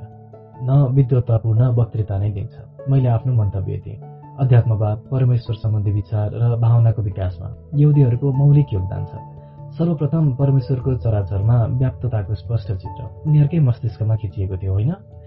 नारायणले मुन्टो हल्लाएर भन्यो एकदम होइन। यति मात्र भन्न सक्नुहुन्छ। तिनीहरूको आदि थलो विभिन्न सांस्कृतिक र सभ्यताको आदान प्रदान बीचको बाटोमा परेकाले तिनीहरूले आर्यवर्तको आध्यात्मिकतालाई पहिले आफूले ग्रहण गरेर पश्चिमतिर त्यसलाई फैलाउने काम गरे। आध्यात्मिकताकी आदि जननी त भारत हो। आर्यवर्त हिन्दुस्तान। क्रिस्तान र इस्लाम मतका सबभन्दा ठूला प्रेरक यहुदी हुन् तर स्वयं त्यस जातिले भारतबाट आध्यात्मिक प्रेरणा पाएको हो। मैले तर्क गरेँ त्यसो भए यदि आदिस्रोत आध्यात्मिकताको आर्य संस्कृतिमा निहित आध्यात्मिकता हो भने जुडा धर्म क्रिस्तानी र इस्लामी धर्महरूमा तथा हिन्दू धर्ममा कतै कतै समध्वनि पाइए पनि भिन्नताको ध्वनि ज्यादा स्पष्ट पाइन्छ। नारायणले भने त्यसको भौगोलिक कारण छ र सायद नियतिको उद्देश्य पनि यस भिन्नतामा परिलक्षित छ। मैले पक्क परेर हेरेँ रेवा नितान्त अनाग्रहका साथ डाइनिङ हलको चारैतिर हेर्थेँ र फेरि मलाई हेर्थेँ। हिन्दू अध्यात्मवाद त्यो महती ज्ञान हिन्दुस्तानमा मात्रै सहज स्वाभाविकताका साथ उपलब्ध हुन्छ। हिन्दुस्तानका पहाड नदी माटो त्यहाँका जङ्गल र त्यहाँको वायुको स्पर्शले मात्र त्यो ज्ञानको स्फुरण हुन्छ। त्यसैले त भारत पनि यन्त्रित थलो हो। भारतमा त्यो पनि ब्राह्मण कुलमा नजन्मी। परम ज्ञान मोक्ष अमरत्व जे जान्नुहोस् त्यस महान प्राप्तिलाई उपलब्ध सम्भव छैन। त्यसैलाई मैले नियतिको उद्देश्य भनेको भारतको रसिलो स्थलको हिन्दू ज्ञानलाई रुखो मरुभूमिको जातिको मार्फत पुग्दा त्यसमा रहेको सौम्यता लोप भएको छ। सङ्घर्ष द्वन्द पापबोध र त्यसको मोचनको निरन्तरको दौडादौडी अशान्तिले भरिन गएको छ। यहुदी क्रिस्तानी र इस्लामी संस्कृति र तिनीहरूको धर्म त्यसैले गर्दा उनीहरूको सभ्यताको आधार नजान्दा नजान्दै भौतिकवादी हुन पुगेको छ। कोसिस प्रयत्न सङ्घर्ष झन बढी सुविधाको प्राप्ति सुधार आदिले उनीहरूलाई कहिले पनि शान्त भएर बस्न दिँदैन। तुर्किस्तानको त्यस्तो गधा जस्तो त्यो गाडी तान्दा तान्दै थाकेर अडियो भने गाडीमै ठोकिएको लामो सुइरोले उसको चाक घोचिन्छ उसलाई क्षणभरको पनि फुर्सद लिन दिइँदैन। नारायणको ध्यान रेवातिर गएछ। ऊ केही नखाएर उदास मनले हाम्रो सुस्क वार्तालापको समाप्तिका लागि पर्खेर बसिरहेकी थिए। उसले भन्यो रेवाजी किन केही लिनुहुन्न? त्यसै बखतमा हलको मध्यमा रहेको ठूलो गोल टेबलका नरनारी कुर्सीबाट उठेर ठट्टाका स्वरमा हाँसे। एउटा केही मोटो युवक कहिले जुङ्गा भएकोले कुर्सीबाट उठेर नाचेको भाउ लाग्यो। स्वास्नी मानिसहरूको किट्टा झन् ठुलो भयो। नारी शरीर अधिकांश उफ्रिएको थियो। समुद्रको सूर्यको रापले सेकिएको स्वस्थताले रातो भएको शरीर। छेडको निष्फिक्री आनन्दले उत्प्रोत भएका युरोपियन नरनारी जहाँ हाले नरसंहारको ताण्डव भएको थियो। एकछिन सबैको घिच्रो उतै तानियो। मराठी नवदम्पतिले पनि उतै हेरे। म र नारायण यो सानो टेबलमा बसेर प्रसन्नताको सानो ज्योति बाल्न खोज्ने रेवालाई एका बिहानै दर्शनको दुरूह कुराले क्षण क्षण अनुत्साहित गरिरहेका छौँ। अनि केही व्यङ्ग्यमा रेवाले मलाई सोधे तपाईँको यहुदी सम्बन्धी प्रश्नको उत्तर पाउनु भयो मैले पश्चातापको सानो स्वरमा रेवालाई भने मैले त त्यस्तो कुनै प्रश्न गरेको थिइनँ। कुरै कुरामा मलाई लागेर भनेको क्रिस्तान युरोपलाई त कमसेकम आध्यात्मिकताको प्रकाश दिने यहुदी जातिले नै किन इतिहासमा लालछना र अविच्छिन्न यातनाको शिकार हुनु पर्यो हालैमा पनि साठी लाख कत्लेआम भए तिनीहरू आवाल वृद्ध वनिता सारा। रेवाले व्यङ्ग्यमा सोधे समाधान पाउनुभयो? मैले रेवाको आदर सूचक तपाईँपट्टि ध्यान दिएर चुप रहेँ। नारायणले उसको उत्तर दियो।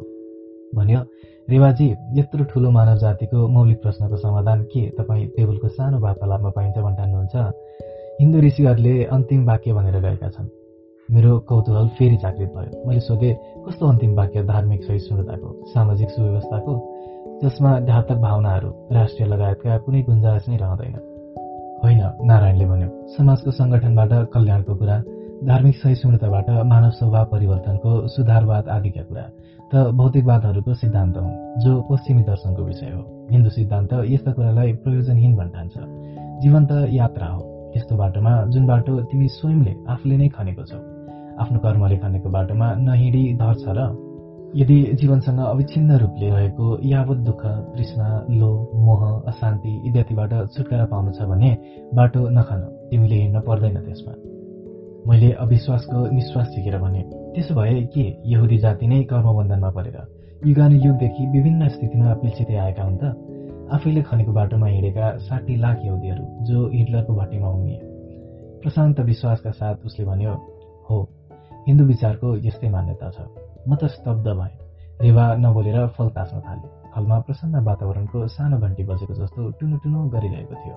सिउबर्डको हलको एउटा सङ्गीत ध्वनिसँग रङ्ग मङ्गिएर नारायण भन्दै गयो।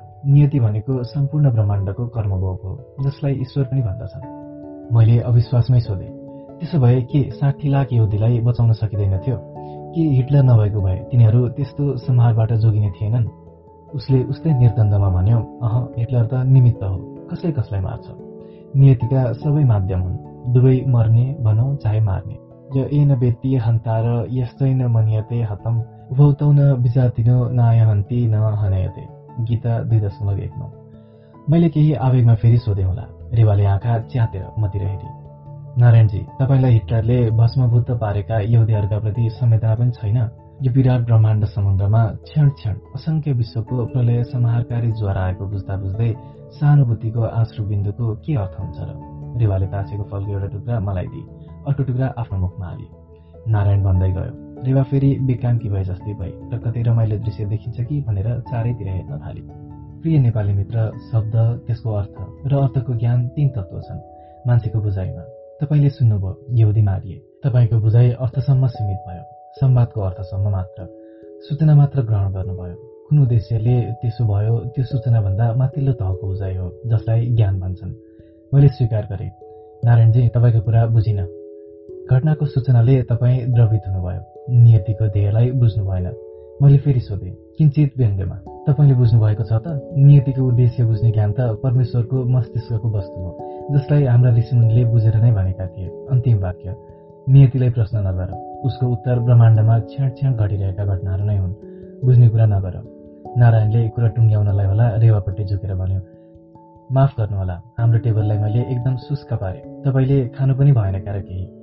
उसले कुरालाई सोझो पारेर ओठ कुञ्चित गर्दै भने थाएँ त्यसै बखतमा मध्यवर्ती टेबलबाट खितकारको लहर उठ्यो। मैले वार्तालापलाई सहज टेबलको स्तरमा ल्याउनलाई भने रेवा देख्छौ उनीहरूको पहिरन स्वास्नी मानिसहरूको। लाग्छ लुग्ने मानिसहरू नदीमा नुहाउन तयार पारेका छन्। त्यसपछि बिस्तार सहज वार्ताले कुरा टिप्यो। विभिन्न टेबलमा बसेका मानिसहरूको पहिरनको असंलग्न कुरा चल्न थाल्यो। शरीरको आवरणभन्दा सौन्दर्य परिधान हुन गएको छ पहिरन। मैले त्यसै टिप्पणी गरेँ। नारायणले पनि त्यस्तै नै भन्यो। यसरी नै मानिस नजान्दा नजान्दै मूल उद्देश्यबाट विरत हुने जान्छ। पहिले पहिरनलाई शरीर त्राण भन्थे।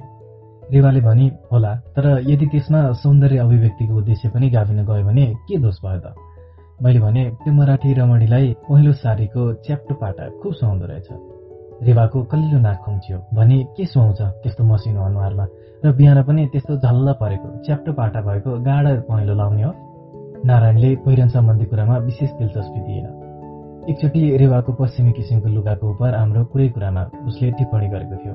त्यसो त लुगाको त्यस्तो केही महत्त्व छैन तर रेवाजीको अहिलेको पहिरनको बारेमा मेरो मत लिने भए भन्ने थिएँ मन परेन। किन?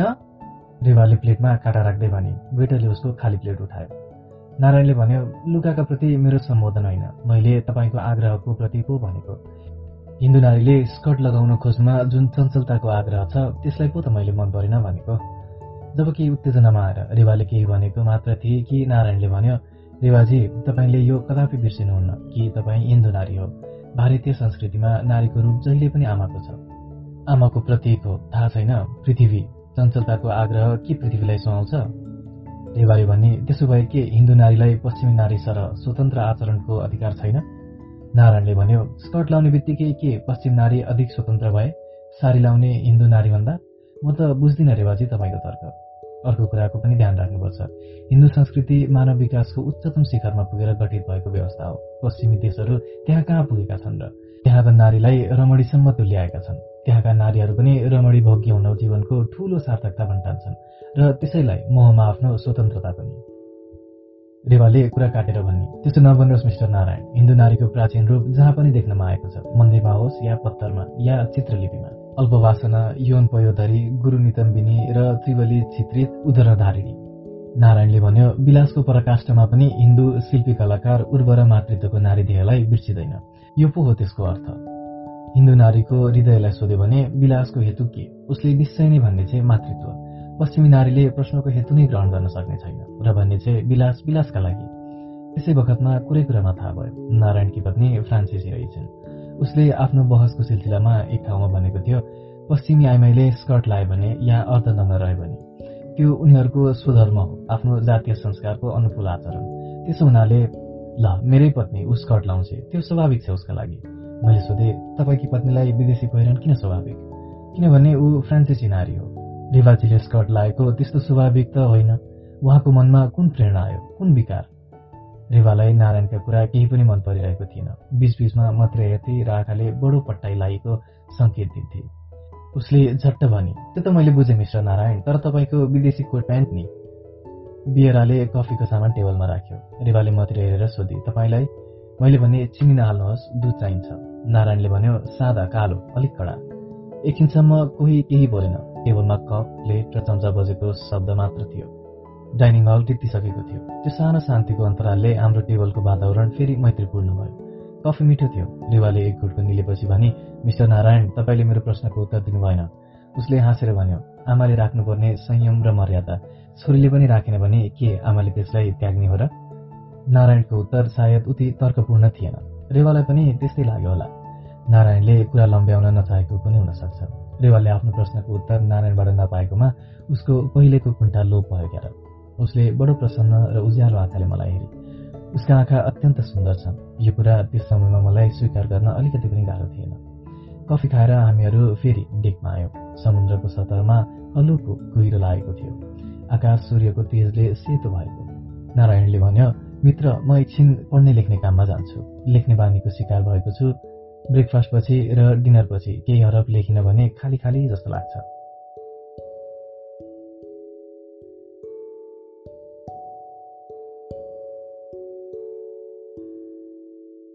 उसको पिठ्यौँ फर्किने बित्तिकै रेवाले आङ ताने र लामो निश्वास फेरेर मिथ्या गम्भीरतामा आँखा ठुला ठुला पारेर भने हाय दुरौ ज्ञानको बोझले कति खिएका तिमीहरू?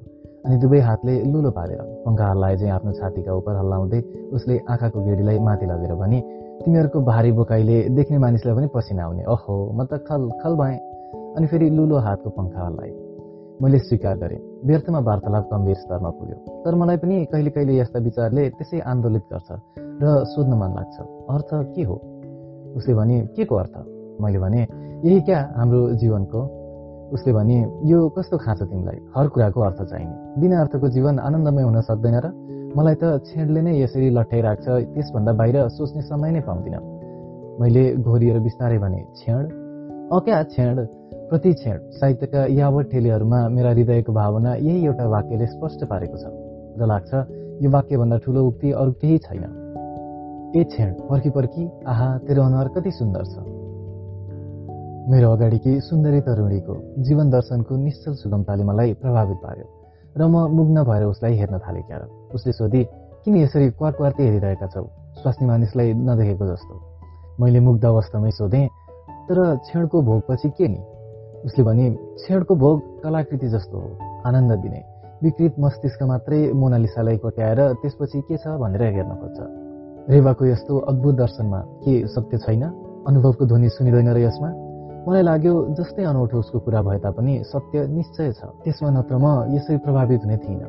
अनि झल्यास लक्ष्मीलाई सम्झे। उसले भनेकी थिए क्षण भोगको स्वाद ब्रह्मानन्द हुन्छ र त्यसपछि मानिस हठात बेग्लै भएर फर्किन्छ। कुन गम्भीर सतहमा पुगेर हो? मलाई पनि त्यस्तै लाग्थ्यो। यहाँ भने एउटी केटी समुद्रतिर पृथ्वी फर्काएर मेरो अगाडि उभिएकी छ। सृष्टिको समस्त सुन्दरता र निर्दोषतालाई आफूमा केन्द्रभूत गरेर। ऊ भन्छे तस्विरको रङ्गलाई कोट्याएर त्यसको मर्मलाई बुझ्ने प्रयत्न नगर। जे छ बाहिर छ छर्लङ्ग छ जीवन बाहिर छ उद्दाङ्ग छ उब्रिएको। मैले सुस्तरी भने रेवा त्यसो भए उसले मेरो वाक्य पुरा हुन दिइन। भनी अब यहाँ पनि टेबलको भाइरलाई उचालेर नल्याऊ। अनि फनक्क मतिर पिठी फर्काएर भने र मेरो जुरो खुकुलो भएछ स्कार्फको गाँटो राम्ररी मस्काइदेऊ। मैले गम्भीरतामै उसको कपाल बाँधिदिन थालेँ। तर एकछिनमा स्थितिको ज्ञान भएर लाजले म रातो भएँ। मेरो हात किन्चित अस्थिर भएर सिल्क स्कार्फमा गाँटो फुस्किरहन थाल्यो। मैले चारैतिर आँखा गुमाएँ कसैको दृष्टि यतापट्टि थिएन। यद्यपि डेकभरि मानिसहरू थिए उसको कपालबाट हलुको गन्ध आइरहेको थियो। समुद्रको गन्धमा मिसिएर नजिकै भएकोले मेरो नाकमा मात्रै उसको शरीरको न्यानो गन्ध आइरहेको थियो। मेरो नाकको लागि मात्रै भनेर एकान्तमा कसैले दिएको मिठो गन्ध गर्दन र कुम टल्किने तामामा ढालेको जस्तो। उसले भने कस्तो अनाडी हात। मेरो मद्दत र अध्यवसायको परिणाम यति मात्र भयो। उसको जुरो र स्कार्फको काठो एकदम फुक्यो। उसले मतिर फर्केर भने ल्याउन त्यति पनि नसक्ने उसका अनुहार प्रसन्नताले दीप्त थियो। उसले आफ्नो हातलाई कपालपट्टि लगेर जुरो बाँध्न थाले। मैले उसलाई हेर्दा हेर्दै मनमा नै भने बफ र स्कर्ट यस शरीरलाई निश्चय नै सुहाउँछ। त्यसपछि हामी जहाजको निरीक्षण गर्दै हिँड्यौँ। एक डेक अर्को डेक झन अर्को। माथिल्लो सानो डेक जिम्नेजियमको सामुन्नेको जसमा त्यही कप्तानको कोठा र ब्रिज थियो। लाउन्ज नाचघर लाइब्रेरी र स्विमिङ पुल। स्विमिङ पुलमा कोही नुहाइरहेको थिएन। त्यहाँको निलो पानीमा जहाजको स्पन्दनले थर्किएर साना साना लहरहरू उठेका थिए। त्यसको चारैतिर डेकभरि ताम्रवर्णी शरीर बुढाबुढी तरुण तरुणी बालबालिकाहरू सुताइएको विभिन्न आसनमा हिन्द महासागरको प्रखर सूर्यको रातमा सिकिरहेका थिए। आँखामा कालो चस्मा र शरीरका अत्यन्त आवश्यक स्थलहरूमा वस्त्र टाँसिएका कृपण टुक्रा बाहेक त्यो स्थल विभिन्न आकारको रातो मासुले खचाखच भरिएको बजार थियो। गोलो गोलो मासु डल्लो खादिएको खुकुलो लाम्चो छोटो वृत्ताकार छटाकार त्रिभुजकार चतुर्भुजकार या आकारहीन केवल सोझो रेखा। रेवाले पनि कि समुद्रको हावा त्यस खाल्डो परेको डेकमा एकचोटि घुम्ती खाएर उड्यो। पश्चिमी नर नारीहरूको शरीरको तातो गन्धको झोका हाम्रो अनुहारमा थपडी हानेको जस्तो गरेर गयो। नुनिलो अमिलो शरीरको गन्धको जैतुन र विभिन्न लेपको गन्ध मिसिएर बगेको त्यो हावाको झोका। केही रेवाले तेब्रे हातको औँलालाई दाँतले खिचेर खुदखुद हाँसी। मैले भने के रेवा मलाई पनि स्विमिङ पुलमा नुहाउन मन लाग्यो हि? कसले रोकेको छ तिमीलाई? उसले मतिर गढेर हेरी भने तिमी पनि नुहाउ न त।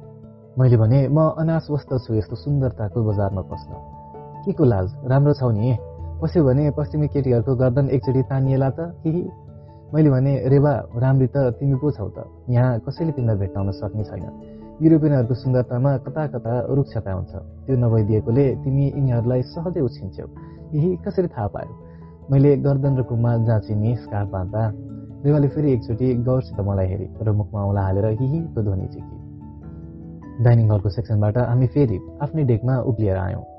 डाइनिङ हल अगाडिको पसलमा पनि एकचोटि पस्यौँ। केही किन्न भनेर होइन त्यसै हेर्न भनेर सानो कोठा मालसामानले खचाखच भरिएको। अगाडिको ऐनामा अत्तर तेल क्यामेरा घडी सिगरेट शराब स्विमिङ ट्रङ्क बिकिनी कमिज आदि कुराहरू सजाएर राखिएका थिए। एकछिन उभिएर हेऱ्यौँ। रेवाले भने उह त्यो स्विमिङ ट्रङ्क तिमीलाई सुहाउने रहेछ पहेँलो। अनि उसले काउचमाथि औँलाले ठ्याक ठ्याक हाने। मैले पनि त्यसै भने त्यसैसँग टाँसिएको कलेजी रङको त्यो तिमीलाई सुहाउँछ नि निलो कालो सानो सानो बुट्टा भएको। आफ्नो डेकमा पुगेर रेवाले भने थाकियो। मैले बेदका दुईवटा कोसी लिएर आएँ। उसले भने प्यास लाग्यो? समय पनि धेरै भइसकेको रहेछ। दिउँसोको साढे बाह्रको लगभग। मैले सोधेँ के पिउँछौ तिमी नि उसले भने। मेरो त विशेष पसन्दको पेय केही छैन। जे भए पनि खाइदिन्छु। मलाई जिन र भरमुत तिमीले केही हार्ड लिनु चाहे उसले आग्रह गरे। मैले ग्रिल काउन्टरबाट दुई गिलास पेय लिएर आएँ। यस प्रकारको पेयसँग म सायद अभ्यस्त भइसकेको छैन। झन् स्वास्नी मानिसले पिएको देख्दा कौतूहलता जागिहाल्छ। सोधे तिमीलाई रक्सी खान पुरा स्वतन्त्रता छ घरमा? रेवाले हाँसेर भने यसलाई रक्सी खानु भन्दैनन्। तर यति पनि ससुराहरू मन पराउँदैनन्। माइतमा भने आमा मात्र मन पराउनुहुन्न। पार्टीमा या यसो घरमै पनि एक दुई घुटको खाएमा कसैले किन आपत्ति गर्नु? डाक्टर देसाई नि उनी झन् यस्ता कुरामा वास्ता लिन्नन्। अनि मलाई सोधे नेपालमा त रक्सीको खुब चलन छ क्या? तिमीहरूलाई त केही बाधा होइन होला। बाहुन छेत्रीलाई मात्र निषेध थियो तर आजकल कसले निषेधलाई मानेर बसेको छ र? घरमा मेरो पत्नी रक्सी एकदम मन पराउन। गिलासलाई मुखबाट झिकेर तिम्री पत्नी तिम्रो बिहे भएको छ? उसले केही आश्चर्य माने। लाग्दिन र जस्तो तिमी लाग्दैनौ कहाँ छिन् तिम्रो पत्नी? बेलायतमा? नेपालमा? मैले भने। रेवा एकचोटि हाँसी। यात्राका साथी भनेको हामी नै हौ। दृष्टान्तका लायक। म आफ्नो पति कहाँ जान हिँडेकी छु? तिमी आफ्नो पत्नी कहाँबाट आइरहेका छौ? हामी दुवै नपुगिएको स्थितिमा छौ। समान स्थितिमा। उद्देश्य भिन्न भए तापनि मलाई यात्राको स्थिति बडो मनपर्छ। मैले भने रेवा तिमीलाई थाहा छ तिमी पनि दार्शनिक रहेछौ। एक बिहानमै तिमीले दुईटा घटलाग्दा कुरा भन्यौ। क्षणको बारे र यात्राबारे। म तिमीमा धेरै कुरा देख्दैछु बिस्तार बिस्तार। रेवाले कुटिल दृष्टिपात गरेर भने यस्तै तिम्रो चाल रह्यो भने तिमीले ममा अझ धेरै कुरा देख्नेछौ अनि ऊ रमाइलो मानेर हाँसी। फेरि एकछिनमै आँखा ठुला पारेर सोधी तिम्रो पत्नी राम्री होली? अँ को जस्ती? तत्कालै प्रश्नको निरर्थकता बुझेर होला भन्न थाली। नेपाली आइमाईहरू राम्रा हुन्छन्। किन्चित गोलो अनुहार भए पनि गोरा र उज्याला। हाम्रो सहर जुन स्टेटमा छ त्यसको राजाले नेपालको राजाकी छोरी बिहे गरेको छ। बाटी पनि उत्तिकै।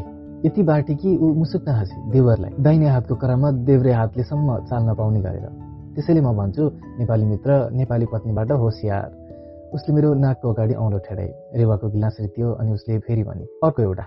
मैले उसको गिलास टिपेर जाँदा जाँदै भने रेवाजी नेपाली नारीको सम्भावनाबाट गुजराती नारी पनि वञ्चित छैनन् जस्तो लाग्यो। नारी चातुर्य बाटिका रहेछ। काउन्टरबाट अर्को गिलास ल्याएर रेवालाई दिएँ र आफ्नो कुर्सीमा बस्दै भने अब लन्चको बखत पनि हुन थाल्यो। रेवाले भने तिमी त अतिथिको आसनमा बसेर परिकार खाउला। म भने नारायणको नपस्ने कुराले पेट र मन बिगारेर आउँला। अनि मेरो रितिएको गिलासतिर आउँला देखाएर सोधे तिमीले आफूलाई केही ल्याएनौ? मलाई पुग्यो। उसले घटघटी आफ्नो गिलास सिद्ध्याएर झुकेर केही जोरसँग बजारेर त्यसलाई फर्समा राख्दै भने ल जाउँ। केबिनमा गएर मुख पुछेँ। लुगा फेरेँ र गोल्डबर्गको लन्चमा जान भनी बाहिर निस्केँ। बाहिर कोरिडोरमा युवा गोल्डबर्ग मलाई पर्खेर टहलिरहेको थियो। मैले सोधेँ अबिर त भएन? उसले भन्यो अह भर्खरै बा डाइनिङ हलपट्टि लाग्नुभयो। मलाई तपाईँलाई ल्याउनु भनेर हराएर डाइनिङ हलमा पिता गोल्डबर्गले कुर्सीबाट उठेर मेरो सत्कार गर्दै मसित हात मिलाएर मलाई अनुग्रहित गर्यो। मैले बस्दा बस्दै भने तपाईँले मलाई आफ्नो मैत्रीले सम्मानित गर्नुभयो। छोरो गोल्डबर्गले बियरालाई अर्डर दिन थाल्यो। उसले मलाई सोध्यो पिउने? मैले भने मलाई त्यसको विशेष आग्रह छैन तर तपाईँहरूले जे पिउनुहुन्छ त्यही मलाई पनि भए हुन्छ पिता गोल्डबर्गले छोरालाई कुन्निके हरायो त्यसै बखतमा भित्तानेरको आफ्नो साबिक टेबलमा रेवा आई नारायणले उठेर उसको कुर्सी तानिदियो। रेवाले कुर्सीमा बसेर एकचोटि चारैतिर हलमा आँखा घुमाई। मलाई देखेर कुइनोमा उभिएको देव्रे हातको औँला नचाई र मुस्कुराई। मैले मुस्कुराएर उसको उत्तर दिएँ। बियराले एउटा रक्सीको बोतल ल्याएर पुत्र गोल्डबर्गलाई देखायो। उसले स्वीकृति दियो। बुढोले भन्यो क्षमा गर्नुहोला। तपाईँ एक्लै सफर गर्दै हुनुहुन्छ भनेर तपाईँलाई मात्र निम्तो दिएँ।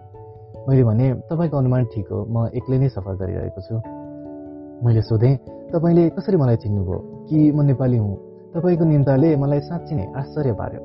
उसले भन्यो बम्बईको डेभिडलाई त तपाईँ चिन्नुहुन्छ। ऊ मलाई जहाजमा भेट्न आएको थियो। अन्तर्राष्ट्रिय यहुदी एजेन्सीको केन्द्रीय बोर्डमा म पनि छु। इजरायल पनि जानुहुन्छ अरे तपाईँ? हाम्रो भोजन लिएर वेटर आयो।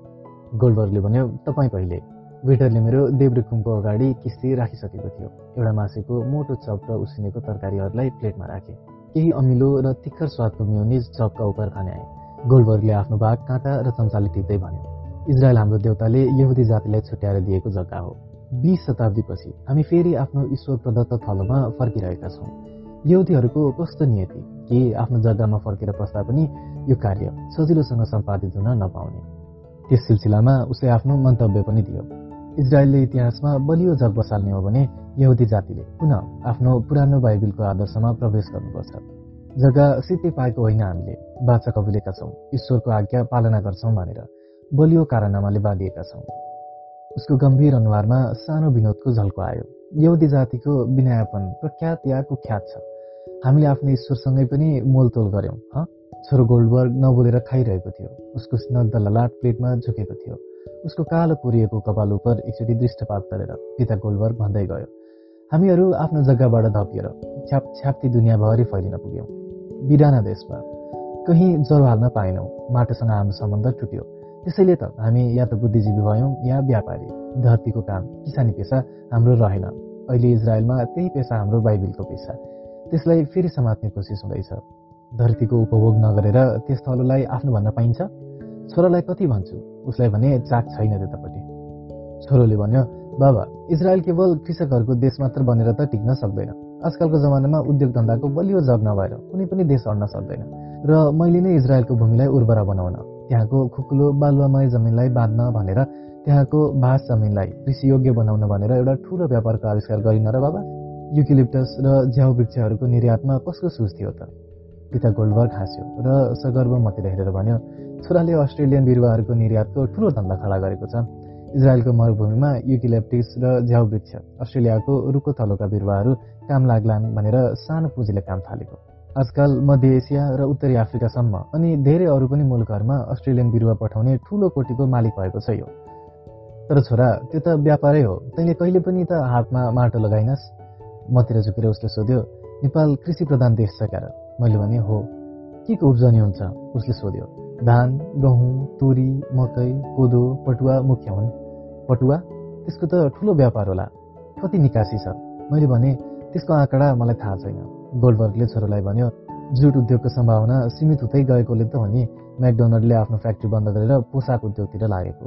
छोराले भन्यो पाकिस्तानतिरै जुट मिलहरू खोल्न थाले सस्तो मजदुरी र आफ्नै देशमा हुने कच्चा माल।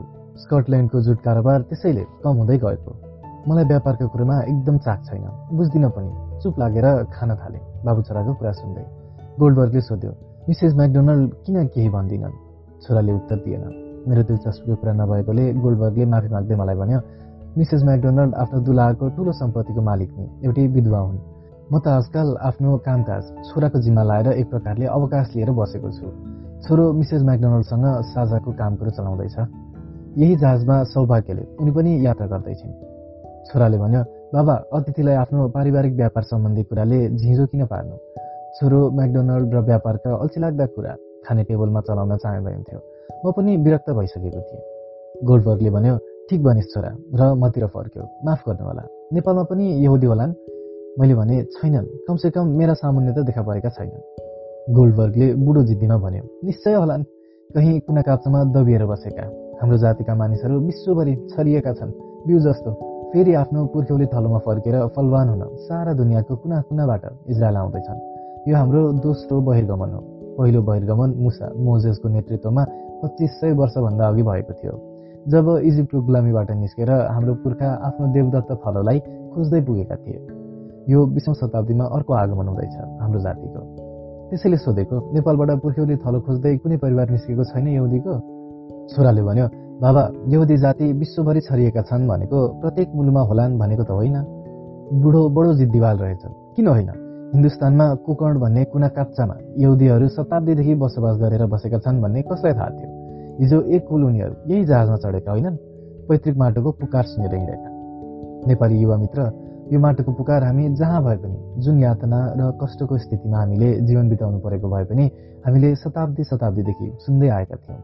पोल्यान्डमा अँध्यारो छेडेको कोप्चा टोलमा खाँदिएर बाँचिरहँदा होस् या वियनाको चौडा सडकमा तिरस्कृत भएर हिँडिरहनु पर्दा घुच्चाइ खाँदा पिटिँदा लुटिँदा होस् अह तपाईँ बुझ्नुहुने छैन। हाम्रो जातिको मनोव्यथा।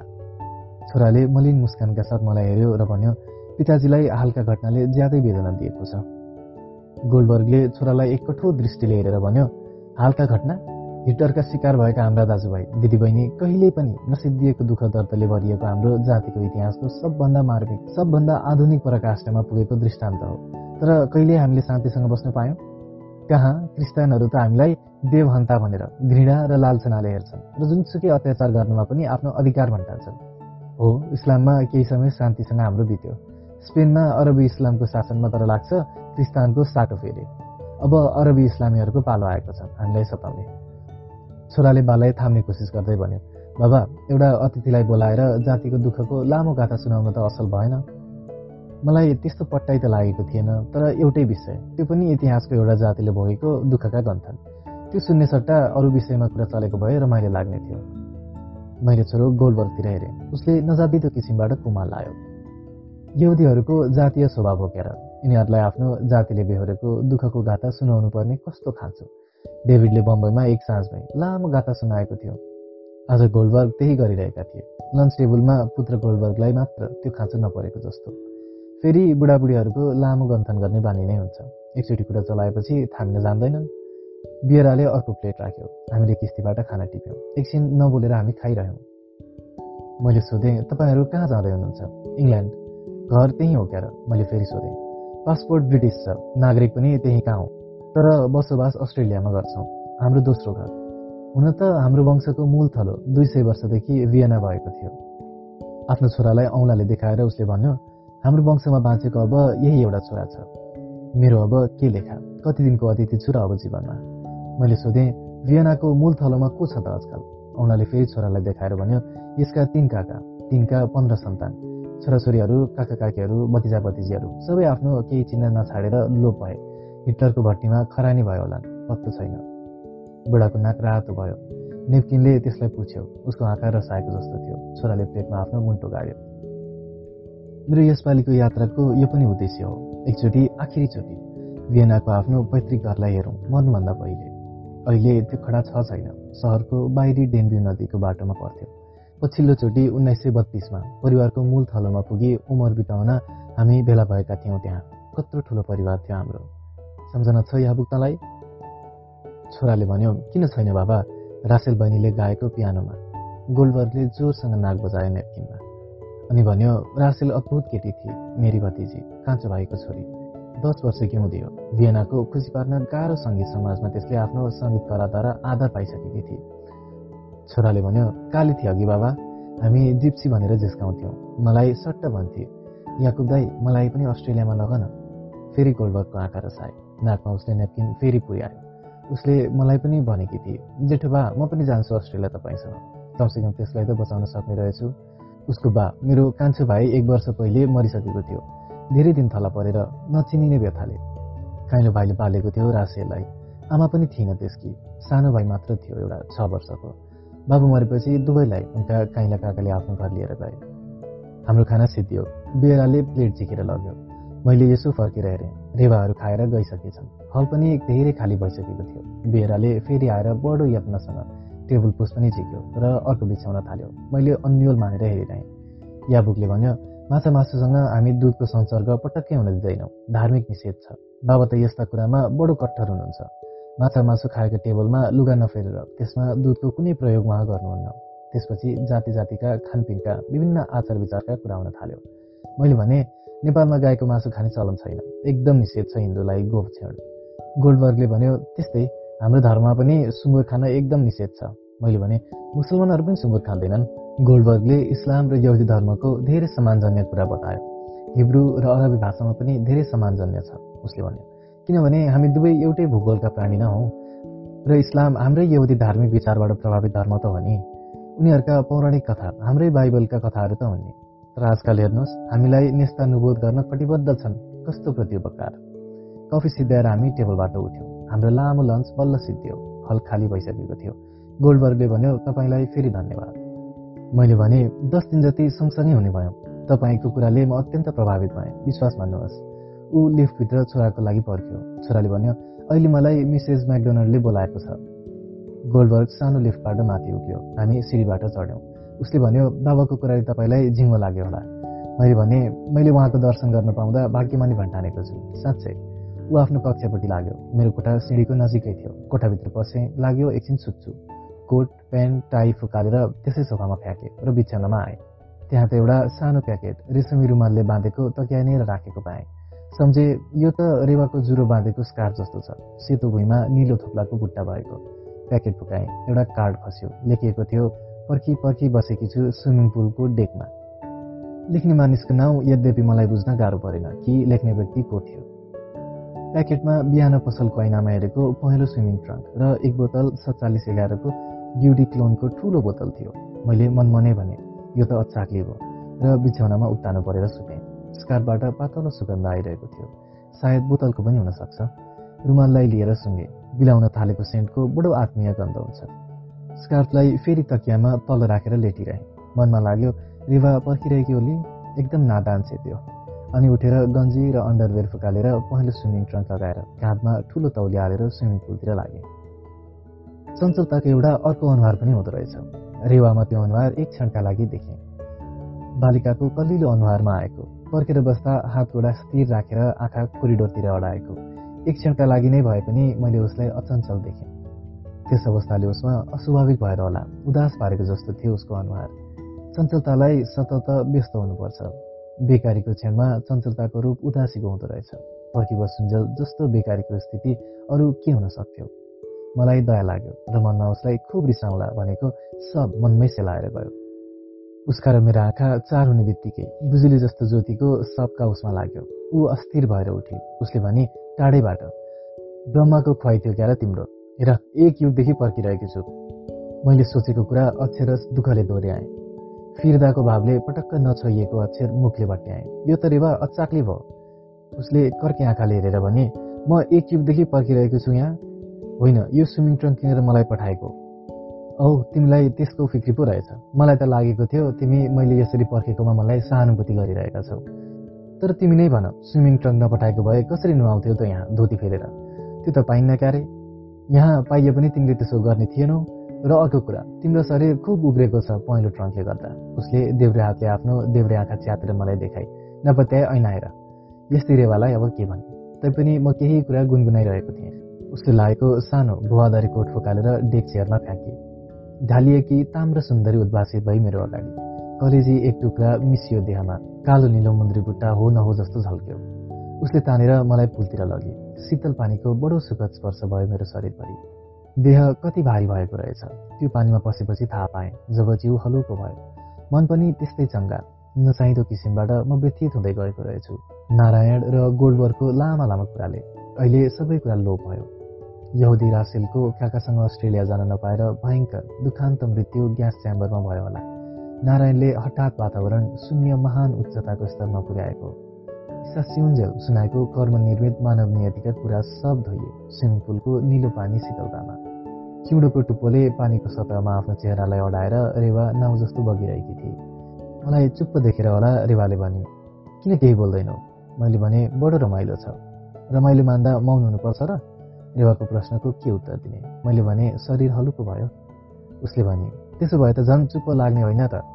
मलाई धन्यवाद दिनुपर्ने। तिमीले कृतज्ञता जनाउनु पर्ने धेरै बेरसम्म पानीमा बस्यौँ हामी।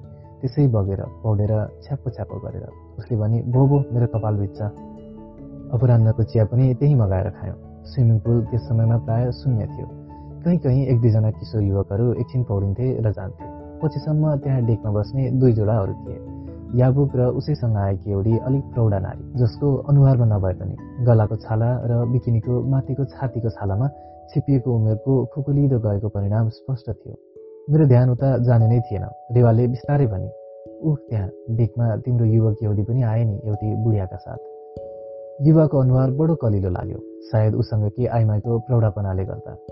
त्यो आइमाई पनि याबुकसँग भएकीले होला ज्यादै छिपिएकी जस्तै लागेकी हो। मैले सोचेँ मिसेस म्याकडोनल्ड उसले बोलाएकी छे भन्थ्यो।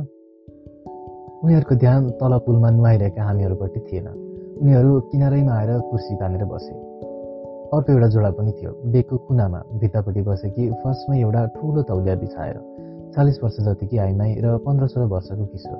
उनीहरू हामीहरू आउनुभन्दा पनि पहिलेदेखि थिए। पुलतिर पिठ्यौँ गरेर बसेका। बिचबिचमा महिलाको देब्रे हात किशोरको पिठ्यौँमा छुन पुग्थ्यो। उनीहरू तल्लीन भएर कुरा गरिरहेका थिए। रेवाले भने चिया पिउँदा पिउँदै कस्तो उनीहरूको कुरा नटुङ्गिएको? मैले भने आमा छोरा होलान्। रेवाले भने इस चियाको खाली प्याला किनारमा राखेर म पुलमा हाम फालेँ। रेवा बिस्तारै सिँढीबाट झरेर पछि कपाल बिच्छ भनेर। मलाई लागिरहेको छ फुर्सद पाएको बखतमा रेवाको बारेमा लेखौँ। त्यस्तै मन लागिरहेछ। एघार दिनको सफरी सहवास उसँग। त्यतिकैमा जहिले पनि लाग्छ रेवा स्पष्ट रूपले अङ्कित हुनुपर्छ। कुनै रहस्यतामय उसको चरित्रमा छ भनेर होइन जसलाई म उद्घाटन गर्न चाहन्थेँ। मनोवैज्ञानिक ग्रन्थ राशि पनि त्यो थिएन जसलाई फुकाउँदा फुकाउँदा उपन्यासको ठेली बन्न जान्छ।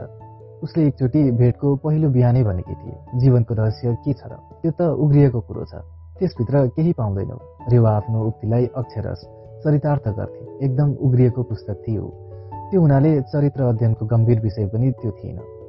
मलाई लागेको त यति थियो कि ऊ बिहान उठेदेखि सुत्न नजाउन्जेलसम्म मसँग बस्दा उठ्दा उसले के के गरी? त्यसैलाई एक एक गरेर लेखौँ। कसरी आज लुगा लगाई? कस्तो श्रृङ्गार थियो त्यसको? आज के भनी? कसरी हेरी? हाँस्ने तरिका कस्तो थियो? व्यङ्गले कसरी ओठ खुम्च्याउँथे? मन परेन भने नाक कसरी खुम्चिन्थे उसको? यस्तै साधारण कुरा। एक दुईचोटि लेख्न पनि बसे जहाजमै। तर समय पाइन। रेवाले नै सारा समय भने जस्तो लिन्थे। रेवाले गर्दा जहाजमा मलाई एकछिनको फुर्सद भएन। आफ्नो दैनिक जीवनको आनन्द उत्सवको रोहटे जाँतोपिङमा मलाई पनि फनफनाइरहे एघार दिनसम्म। एकचोटि लन्च सिद्ध्याएर मैले भने रेवा आज साँझमा स्टिमर एडन पुग्छ। मलाई नेपालमा चिठी पठाउनु छ। माफ गर है। कसलाई? लक्ष्मीलाई? उसले मेरो पत्नीको नाउँ थाहा पाइसकेकी थिए। मैले भने तिमी लेखिदिनौ कसैलाई? मलाई चिठी लेख्न अल्छी लाग्छ। चाँडै सिद्ध्याएर आऊ। कोठामा आएर चिठी लेख्न बसेँ। यो चार दिनको बेफुर्सदको रिङ्गाइमा लक्ष्मी मेरो मनको कुना कुनामा लुकेर बसेकी रहेछ। प्याडमा कलम राख्दा नराख्दै बैदिएर पुगे। मैले विवाहाल भएर थालेँ। प्यारी लक्ष्मी। मेरो यात्रामा एउटी केटीसँग सङ्गत भएको छ। नाउँ रेवा हो। दुब्ली पातली कलिलो अनुहार एकदम गोरी भन्दिन ठुला आँखा घुम्रेको परेला भारी खालका र आँखी भाउ लामा लामा पातला राता ओठ। जहिले पनि मिलेको हाँस्दा। हठात मलाई लाग्यो यो के लेखिरहेको छु मैले? चिठीलाई फाडे फेरि लेख्न बसेँ। प्यारी लक्ष्मी मेरो यात्रा रमाइलोसँग बितिरहेको छ। यहाँ केही मित्रहरू पनि बनिसकेका छन्। नारायण एक ठुलो लेखक जसको फ्रान्समा उपन्यास छापिँदैछ। रेवा पनि छ गुजराती केटी। उमेर कति होला? सत्रदेखि पच्चिसभित्र जहाँ पनि उसलाई राखे हुन्छ। मलाई अठार वर्ष कि जस्तो लाग्छ। ऊ भन्छे हेर न क्षण सुन्दर हुन्छ अरे जीवन तस्विर जस्तो हो रे। र भन्छे यात्राको स्थिति असल रे। पुगिएको भन्दा। र भन्छे यो पनि मलाई लाग्यो के लेखिरहेको छु? यसलाई पनि फाटेर बास्केटमा उत्याएँ र फेरि लेख्न बसेँ। प्यारी लक्ष्मी तिमीलाई कस्तो छ? यो चिठी ढोकामा कसैले ठ्याक ठ्याक दस्तखत गर्यो। मैले प्याडको उप झुकेको झुके भने आऊ रेवाको स्वर सुनेर झसङ्ग भएर शिर उठाएँ। कति बेर लागेको एउटा चिठी लेख्न। मैले देखेँ टाइट्स र जर्किन लाएर आएकी छे रेवा भनिरहेकी थिए पर्खिँदा पर्खिँदा जहाज त एकछिनमा एडन पुग्छ। साँच्चै समय धेरै बितिसकेको रहेछ। कति घोरिएर बसेछु चिठी लेख्न। त्यो पनि नसिद्ध्याएर मैले खुसीबाट उठ्दै भने सिद्ध्याउन सकिनँ। टेबल पठाउँछु एडनबाट। र प्याडबाट लेख्दा लेख्दैको पातालाई च्याते र गुजमुच्याएर थाकेँ। रेवा तिमीलाई जे लाए पनि कस्तो सुहाउने? मैले सुहाउन भनेर होइन। न तिमी मोहित परोला नै भनेर यस्तो पहिरन फेरेको। आज चार घन्टा सहरमा घुम्नुपर्छ नि त्यसैले बल्ल भुइँमा खुट्टा पर्ने भयो मेरो। मनमा नै सोचेँ मेरो पनि साँच्चै भुइँमा गोडा थिएन चार दिनदेखि। रेवाको बारेमा लेख्ने कुरा यस्तै हुन्। साधारण कुराहरू साधारण किसिमबाट घटेका। कुनै कुरा पनि उसको अगाडि सजिलो भएर आउने। मलाई जुन कुरा गर्नमा नाना भातीको तर्कना विभाल हुनु पर्थ्यो ऊ त्यसलाई स्वाभाविक किसिमबाट गर्थे। स्विमिङ पुलमा उसँग पहिलो दिन नुहाएको भोलिपल्टैको कुरा। मैले त्यस दिन उसका लागि काने टोपी किनेर लगेको थिएँ। सेनेल पाँच एउटा सेन्टको ठुलो सिसी पनि। अप्ठ्यारो मानेर हातमा लिइरहे उसले भने के हो त्यो सिसी छ नि? मैले भने तिमीलाई ल्याइदिएको। खोइ त दिएनौ? उसले मेरो हातबाट सामान खोसेर नै लिए अनि खुसी मानेर भने आहा कति राम्रो टोपी। मैले भने तिम्रो कपाल नबिजोस् भनेर। लगाइदेऊ न त मेरो कपालमा। मेरो अप्ठ्यारोपन अझै गइसकेको थिएन। केही हटबट आएर उसलाई टोपी लगाइदिन थाले। उसले भने सेनेल पाँच मलाई खुब मनपर्छ। यसको गन्ध खुब। यति सजिलैसँग मेरो उपहार उसले ग्रहण गरी म भने बिहानैदेखि हिजैदेखि भने पनि हुन्छ। विवाह थिएँ। राति सुत्ने बखतमा मनमा लाग्यो देवालाई केही उपहार दिनुपर्छ। के दिने? त्यसको तर्कना सोचेँ। काने टोपी अत्यन्त स्वाभाविक उपहार हुन्छ। ब्रेकफास्ट टेबलमा जानुभन्दा पहिले उसको वान पिससँग म्याच गर्ने टोपी किनिराखेँ। सिसी दुकानमा देखेर त्यसलाई पनि किने र चोर जस्तो दौडेर आफ्नो केबिनमा आएँ। कसैले देख्ला कि भनेर। उसले मलाई देखेको भए त झन् भुतुक्क हुने थिएँ। ब्रेकफास्टमा लन्चमा बिहानभरि म उद्विग्न रहेँ कसरी दिने भनेर। मन अन्य मनस्क रह्यो। बिच बिचमा लाग्थ्यो भो दिन्न लुकाएर सुटकेसमा राख्छु। स्विमिङ पुलमा जान लाग्दा टोपी र सिसीलाई टिपेँ। एकचोटि लाजले आतङ्कित भएँ। भयले कापेको जस्तो। र भारीपना लिएर स्विमिङ पुल पुगेँ। रेवाले कति सजिलै मेरो उपहारलाई ग्रहण गरे स्वाभाविक कुरा जस्तो श्वास फेरेको जस्तो। उसको व्यवहारले मेरो बिहानभरिको अन्तर्द्वन्द त्यसै बिलाएर गयो। लाग्यो म कति मूर्ख रहेछु। साँच्चै नै म मूर्ख रहेछु। धेरै कुरामा उसले बारम्बार यसलाई प्रमाणित गर्थे। उसको निश्चल चञ्चलताले धेरै कुरा बुझ्थ्यो। उसका निर्दोष हेराइले धेरै कुरा देख्थ्यो। सोझो हेर्थे सायद त्यसैले धेरै टाढासम्म पनि देख्थे क्यार स्विमिङ पुलमा पहिलो दिन उसले भनेकी थिए इस हो। मैले भनेको थिएँ आमा छोरा जस्ता छन्। हेर न उमेर। उसले फेरि त्यति मात्र भनेकी थिए। इस हुन् ती दुइटालाई हामी जहिले पनि अपरान्नमा एकै ठाउँमा बितानेर पिठी स्विमिङ पुलतिर फर्काएर गुनगुन गरिरहेका देख्थ्यौँ। आमाले मायाले कहिले कहिले छोराको पिठीमा हात राख्थे। आफ्नो दुब्लो चाउरिन थालेको हात र बिस्तार बिस्तार छोराको पिठ्यौँलाई सुमसुम्याउँथे। माथिको डेकमा पनि सँगसँगै देखा पर्थे कुनातिर बित्ताको आड लिएर उभिएका खानेकोठामा छेउमा उनीहरूको सानो टेबल थियो। आमा बडो आग्रह गरेर खुवाउँथे। छोराले खाएको हेरिरहन्थे। त्यस्ता शान्त जोडी जहाजभरि अर्को थिएन। मित्रवर्गहरू पनि उनीहरूको कोही थिएन क्यार। कोही अरूसँग कुरा गरेको पनि देखिएन। मैले एक दिन रेवालाई भने अचम्मको आमा छोरा। उसले भने होइनन् क्या आमा छोरा? उसले पनि जिद्दी गरेर भने होइनन् होइन जा। रातिको भोजनपछि हामीहरू माथिको डेकमा आएका थियौँ। नारायण आफ्नो कोठातिर लागेको थियो। आमा र छोरा त्यस वखतमा हामी नेरबाट पास गरे। आमाले बिस्तारै भनिरहेकी थिए तिमीले केही पनि खाएनौ क्या छोरोको झन् मधुरो बोली सुनिएन। मैले त्यसै बखतमा भनेको थिएँ कस्ता अचम्मका आमा छोरा एकछिनपछि रेलिङबाट अलिक समुद्रपट्टि झुकेर रेवाले भने मलाई रात बडो मनपर्छ दिनभन्दा। रेडसीको रात बाक्लो थियो दिउँसोको बतास थानिएको थियो अँध्यारोमा बालुवाको कुहिरो देखिँदैन थियो। हावा ठप्प बन्द भएकोले वातावरण भारी भएको थियो। जहाजको चर्खीले मथेको पानी माथि डेकमा बत्तीको प्रकाशमा टल्किन्थ्यो। अन्धकारको समुद्रमा जगमगाइरहेको थियो हाम्रो जहाज हजारौँ बिजुली बत्तीमा। रातिमा हामी प्रकाशको फोकसमा पर्छौँ त्यसैले चम्किन्छौँ। नाचेको तीव्र अनुभव हुन्छ। हामीहरू आफ्नो बारेमा सचेत हुन्छौँ। दिउँसो उज्यालोमा आफू धमिलो हुन्छ। आफ्नो तेज मलि रेवाले रेलिङबाट मुन्टो उठाए मतिर फर्की र भने राति लाग्छ हामी मात्र छौँ। केन्द्रीभूत भएको आफूमै। मैले रेवाको अनुहारको अद्भुत उज्यालोपनलाई देखेँ। परि भनेर केही बेलरिना स्टेजमा ओर्लेकी छ। फुटलाइटले धप्प बलेकी। केस सज्जा बडो सादा थियो। अरङ्गडीको हलुको पहेँलो फर्र परेको स्कर्ट र नेचुरल सिल्कको त्यस्तै जम्पर। कानमा मुन्द्रीको ठाउँमा हिराको टप र देउडे छातीमा सानो ब्रुज हिराकै। कपालमा एउटा सेतो मसिनो फुलको पातलो गुच्छा घुसारेको ब्रुज त्यति। कति सजिलो र सादा श्रृङ्गार तर सुरुचिपूर्ण। मैले उसको हात समातेँ स्वेच्छाले सुप्रेरणाले मैले उसको पहिलोपल्ट स्पर्श गरेँ। हामी टहल्दै टहल्दै सबभन्दा माथिको डेकमा पुग्यौँ जहाँ खुला आकाशतिर जहाजका ठुला ठुला दुई सेल फनेल उडिरहेका थिए। एक्लो ठाउँ दिउँसोतिर त्यहाँ खेल हुन्थ्यो डेक टेनिस ब्याडमिन्टन आदिको। अहिले त्यहाँ काठको च्याप्टा र गोला किसिमका खेलका सामानहरू छरिएका छन्। ऱ्याकेट फनेलको चारैतिर बनेको प्लेटफर्ममा फ्याँकिएका छन्। एक दुई कुर्सीहरू पनि छन् प्लेटफर्ममा एउटा सानो बेन्च पनि। त्यहाँ पुगेर प्लेटफर्ममा चढी र बेन्चमा बसी। म पनि उक्लेँ र कुर्सी तान्न थालेँ बेन्चनिर बस्नु भनेर। रेवाले भने किन पर सरेको? म अछुप त होइन न रोगी नै। बेन्चमा भव्य ठाउँ त्यत्रो खाली छ। मैले केही बोलिनँ। बेन्चमा आएर बसेँ अत्यन्त अप्ठ्यारो मानेर। स्विमिङ पुलमा दिनहुँ नुहाउँछौँ सँगसँगै हिँड्छौँ डेकभरि। टाँसिन्छौँ नाना थरीका कुरा गर्छौँ। तर त्यस रात म अप्ठ्यारोमा परेर मुख भएँ रेवा अलिक मतिर झुकी वास सेनेलको सुगन्ध आयो। उसले भने किन केही बोल्दैनौ?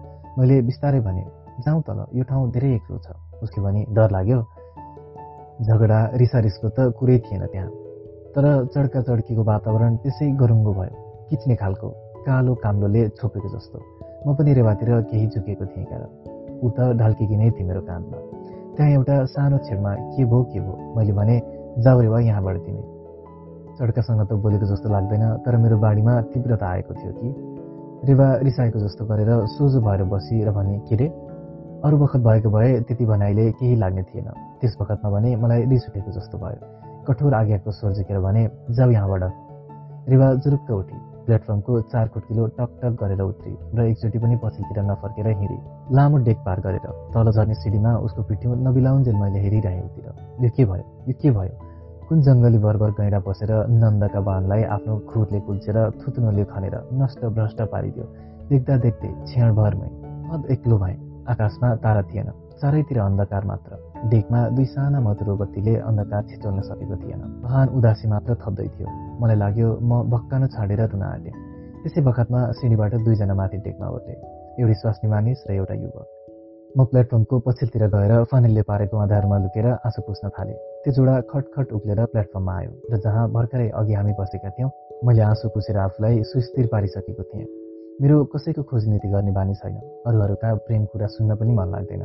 एकनाशका गन्थन हुन्छन् गुप्त प्रेममा पट्टाइ लाग्ने। तर त्यस रात आफ्नो मार्मिक विफलतापछि लगत्तै अरू कसैको प्रेम व्यापारको साक्षी हुन कर लाग्यो। नारीको केही भारी आवाज आयो। प्यारा स्विट तातो भाफले डामेको आवाज। युवकले त केही बोलेको सुनिन। नारी कण्ठ मात्र उच्चभाषित झिक्थ्यो बार बार लाग्थ्यो थुनिएको गलाबाट प्राण निस्किन खोज्दैछ। पछि त शब्दविहीन ध्वनि मात्र कुनै पशुले अँध्यारो गुफामा स्वा स्वा गरेको जस्तो। फनेलको उतापट्टि भएकोले म केही देख्दिनँ थिएँ।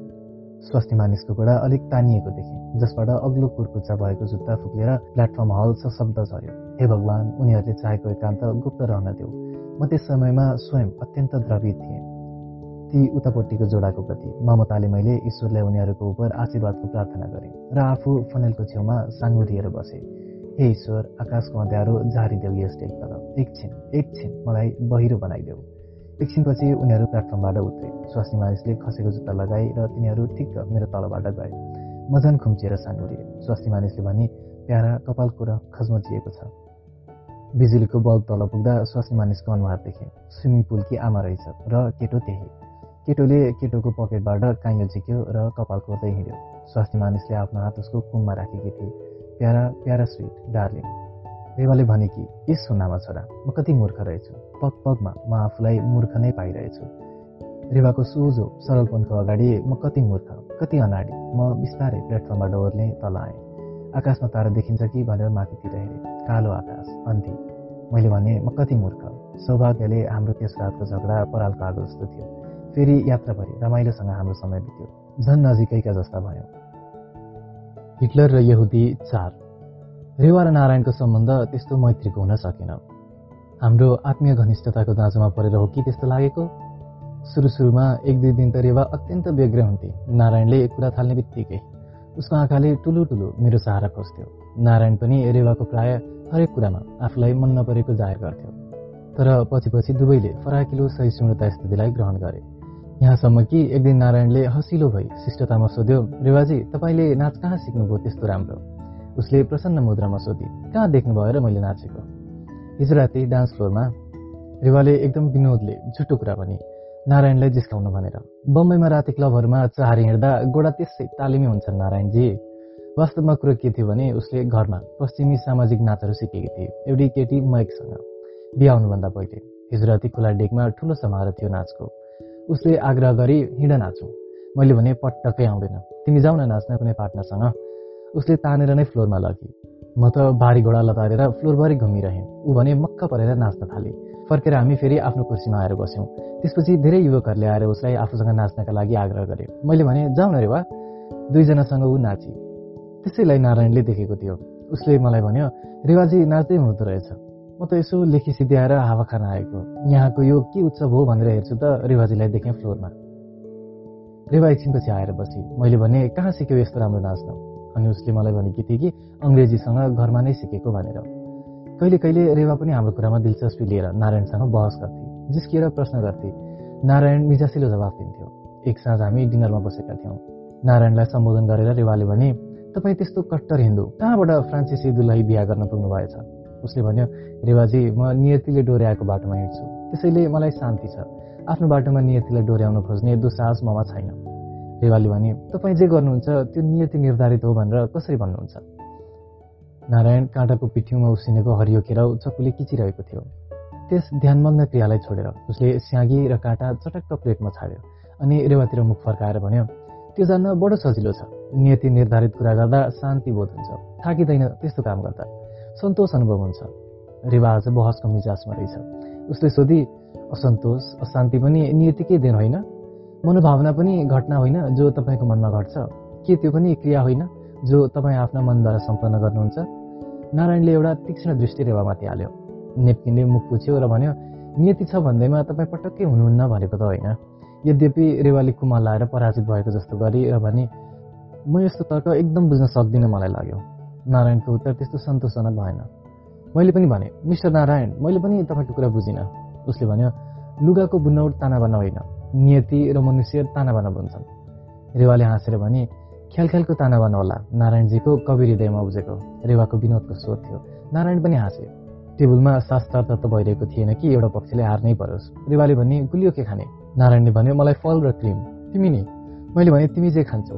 उसले भने म त यस्तै रह्यो भने यात्राभरिमा मोटाएर पिपा हुन्छु। म कफी मात्र खान्छु तिमी पुडिङ देऊ। अनि फर्केर बिहारालाई सोधी। के छ पुडिङ? उसले भन्यो ग्लेसियस हिमालय। नारायणले हाँसेर भन्यो हिमालयको गुलियो हिउँरे क्रिमको डल्लो थुपारेर मेवाहरूको पुडिङ होला। रेवाले उत्साहसँग बिहारालाई भने त्यसो भए पुरै पहाड बोकेर ल्याउनु। र मतिर हेरेर भने यी मेरा मित्र गृह कातर होमसिक छन्। बिछट्टै।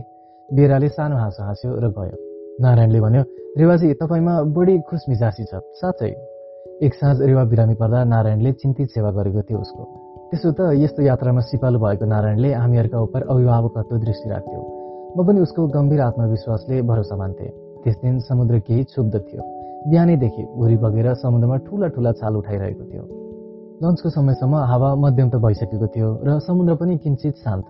तर त्यतिले नै मेरो पनि कपाल भारी पारिदिइसकेको थियो।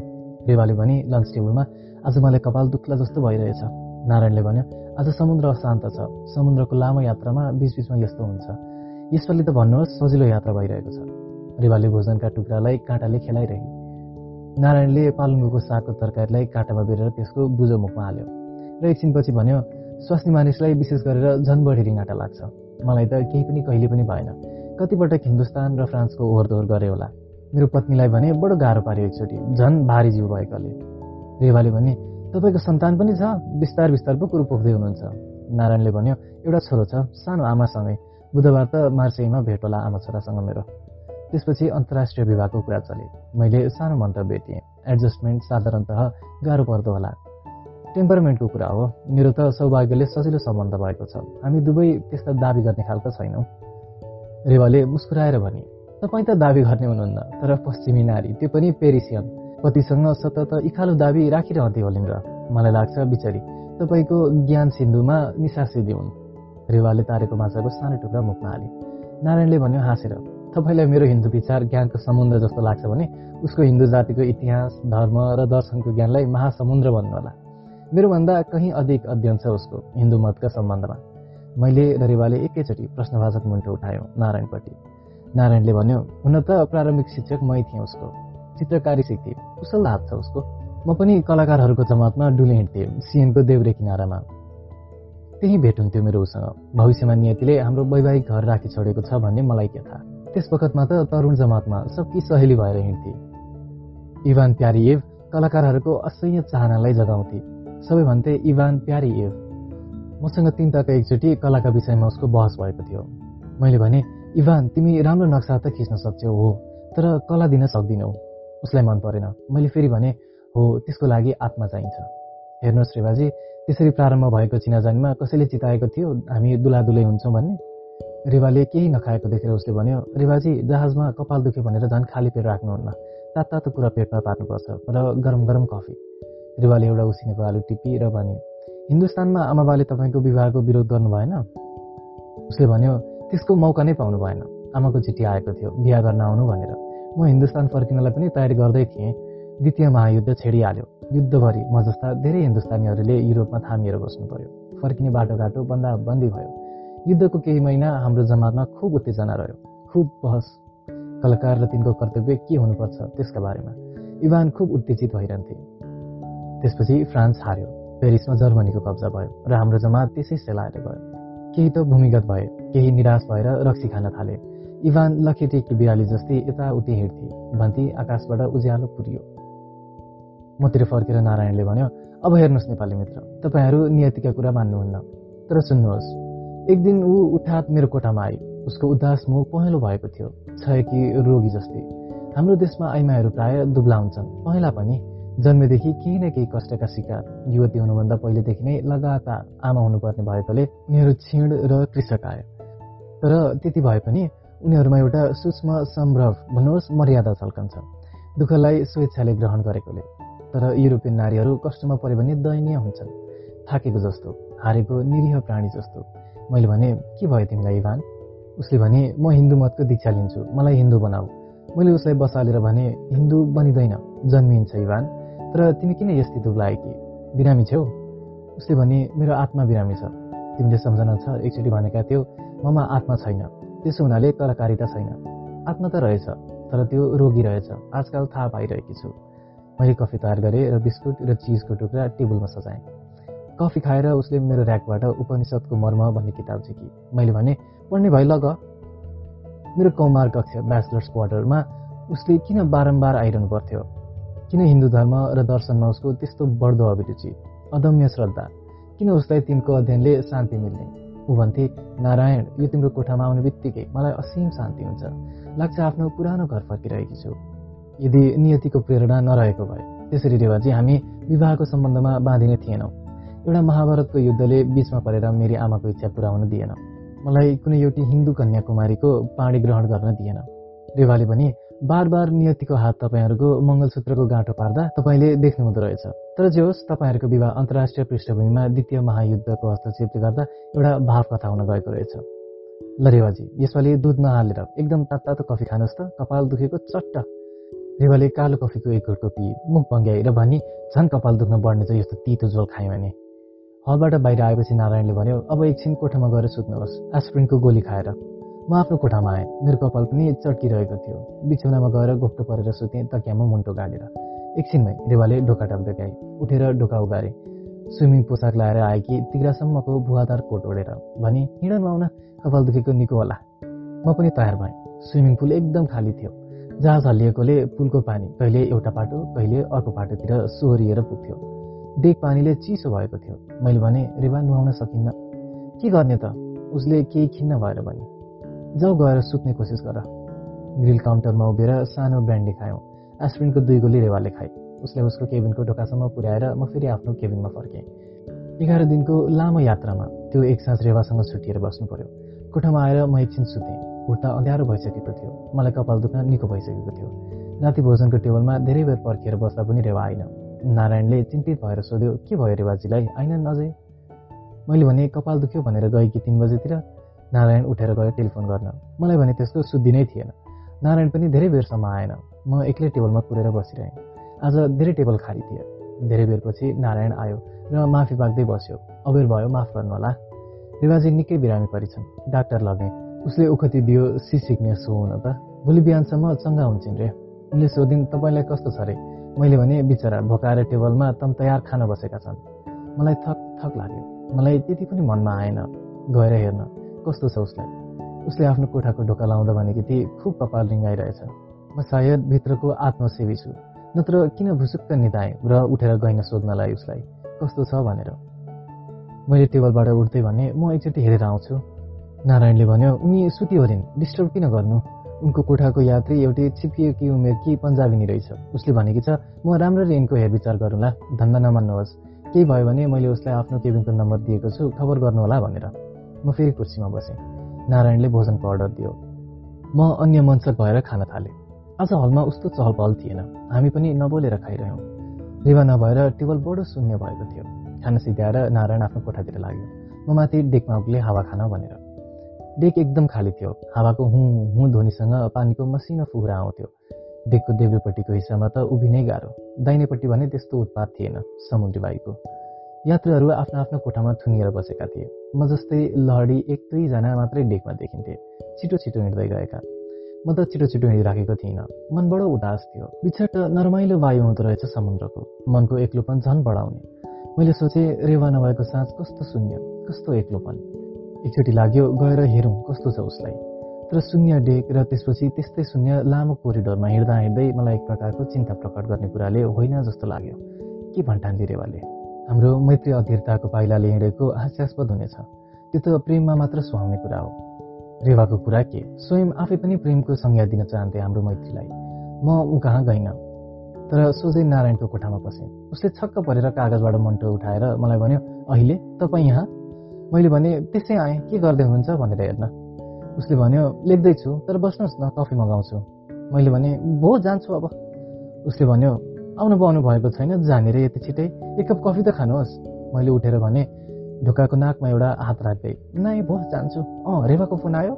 अँ सुत्ने कति खाएकी थिइन् सुतिहालिन्। मैले ढोका उगारेर भने धन्यवाद। बाहिर बतास अर्धनाद गरिरहेको थियो।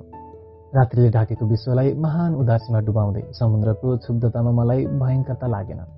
उत्पादको सम्भावना देखिन त्यसमा। लाग्यो व्यवस्थाको रोदन थियो त्यसमा।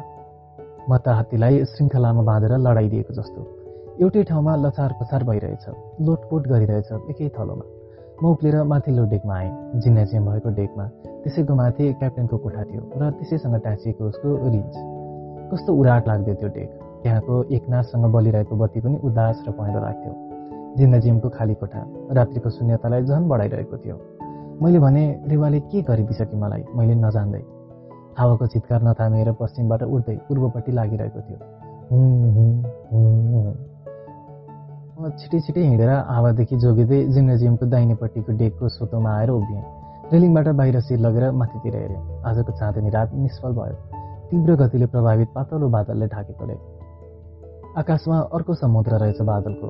चन्द्रमाको जहाज डुब्छ उत्रिन्छ डुब्छ उत्रिन्छ।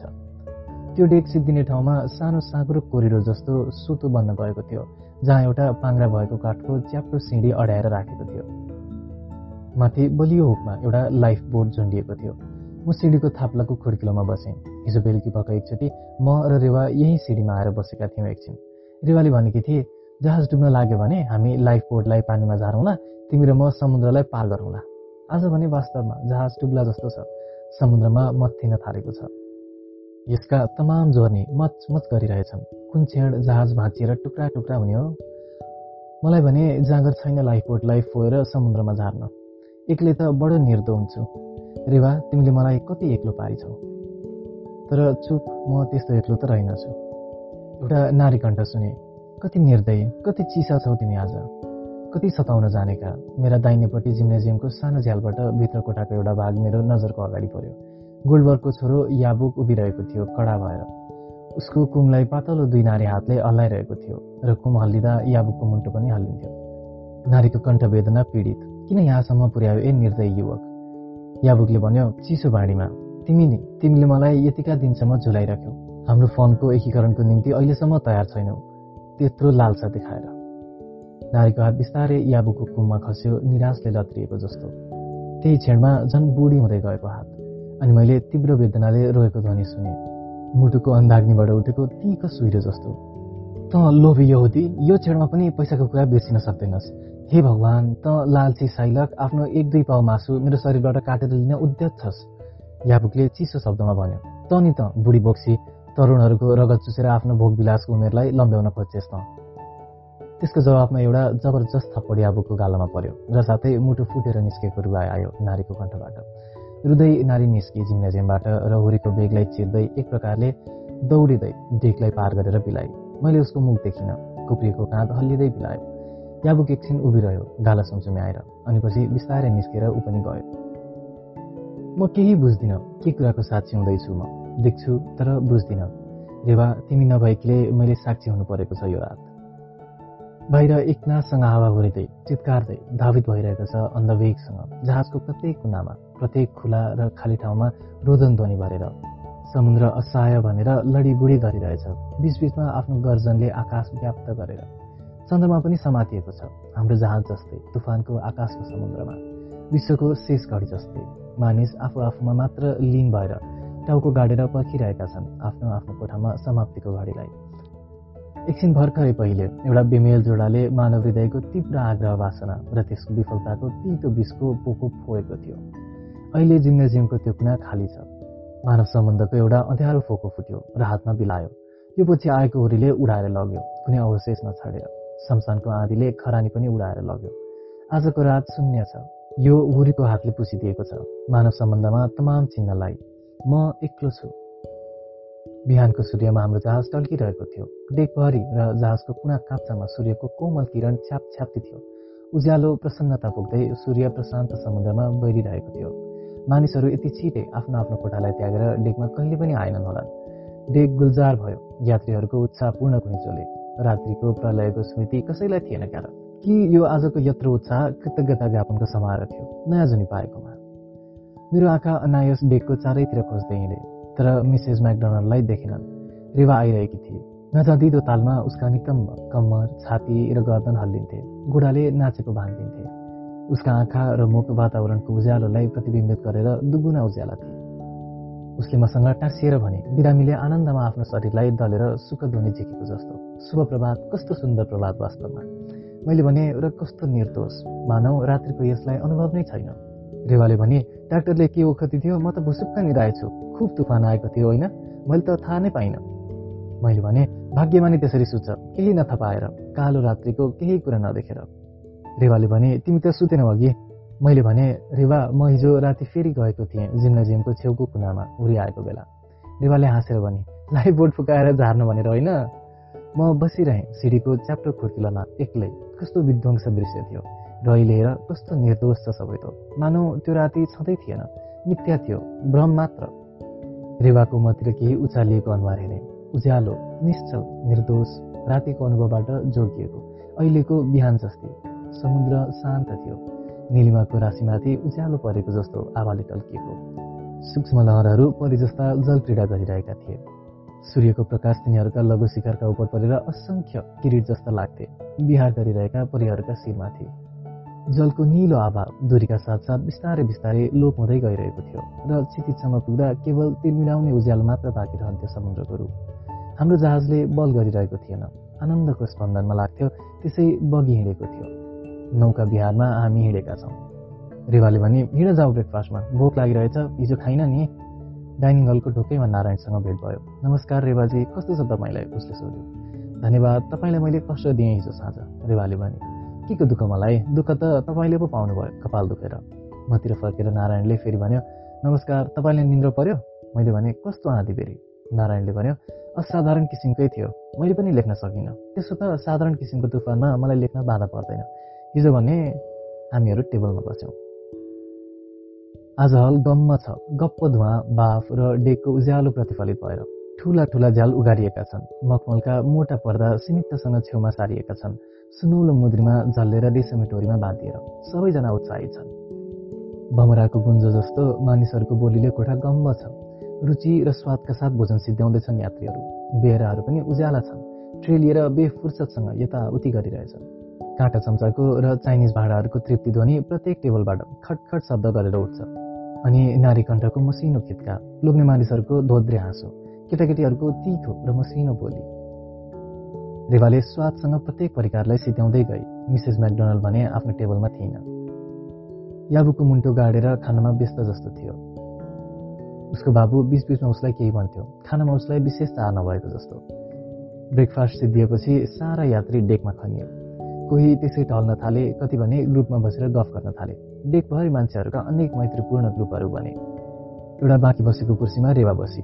नारायणले भन्यो आजको यस्तो प्रभावी उत्साहलाई कोठामा थुनिएर म खेर जान दिन्न। मैले डेकको चारैतिर हेरेँ र भने एउटा पनि कुर्सी खाली छैन। नारायणले कुनै कहाँबाट एकछिनमा बेदका हल्का कुर्सीहरू बोकेर ल्यायो। हामी पनि तिनजनाको सानो मैत्रीको गाँठो बन्यो।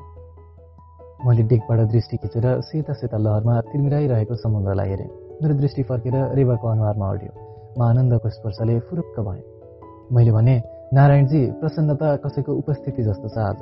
लाग्छ त्यो सामुन्य छ। हात लम्काएर छुन सक्छु। मैले रेवालाई फेरि हेरेँ। ऊ मलाई हेरिरहेकी थिए। नारायण पनि बडो प्रसन्न थियो। उसको कालो अनुहार दीप्त थियो। स्फटिक आँखा उज्याला। गम्भीर स्वरमा उसले भन्यो नेपाली मित्र म उसको नेपाली मित्र भएको थिएँ। मेरो नाउँले उसले मलाई कहिले पनि बोलाएन। मलाई आनन्द पोखिएको वस्तु लाग्छ आफैबाट। सुन्दरता हेर समुद्र निलो र चाँदीको तिर्मिरे रेखा क्षितिजको त्यो पनि मेरो पोखिएको आनन्दको रूप हो। आनन्दले शरीर धारण गरेको। तिमीभन्दा बाहिर पनि तिमी नै छौ। झन् बाहिर भनेको तिम्रो भित्र उब्रिएको हो प्रकट भएको। रेवाले भने नारायणजी तपाईँको कुरा पटक्क बुझ्दिनँ म। तर त्यसलाई के सुन्दर मिठो लाग्दैन र नबुझेको कविता जस्तो। रेवाजी कविता भनेर तपाईँ मेरो कुराको सत्यलाई माया नभन्नुहोस् रेवाले मुस्कुराएर भने माया भनेर म किन भन्थेँ माया त तपाईँले भन्नुहुन्छ जेलाई पनि अहिले पनि भर्खरै यत्रो विशाल आँखाको अगाडि फैलिएको सुन्दरताको यत्रो विराट तस्विरलाई झन्डै झन्डै माया भनिसक्नु भएको थियो त्यो केही होइन रे तिमी पोखिएको रे मैले भने रेवा मिस्टर नारायणको भनाइमा ठुलो सत्य छ नि साँच्ची तिमी पोखिएको हो यी सारा रमाइलो दृश्यमा उसले भने विनोदले मतिर आँखा झिम्काएर त्यसो त नारायणजीले भनेको होइन। तिम्रो लागि तिमी पोखिएको रे मेरो लागि म। होइन त त्यसो भनेको तपाईँले मिस्टर नारायण?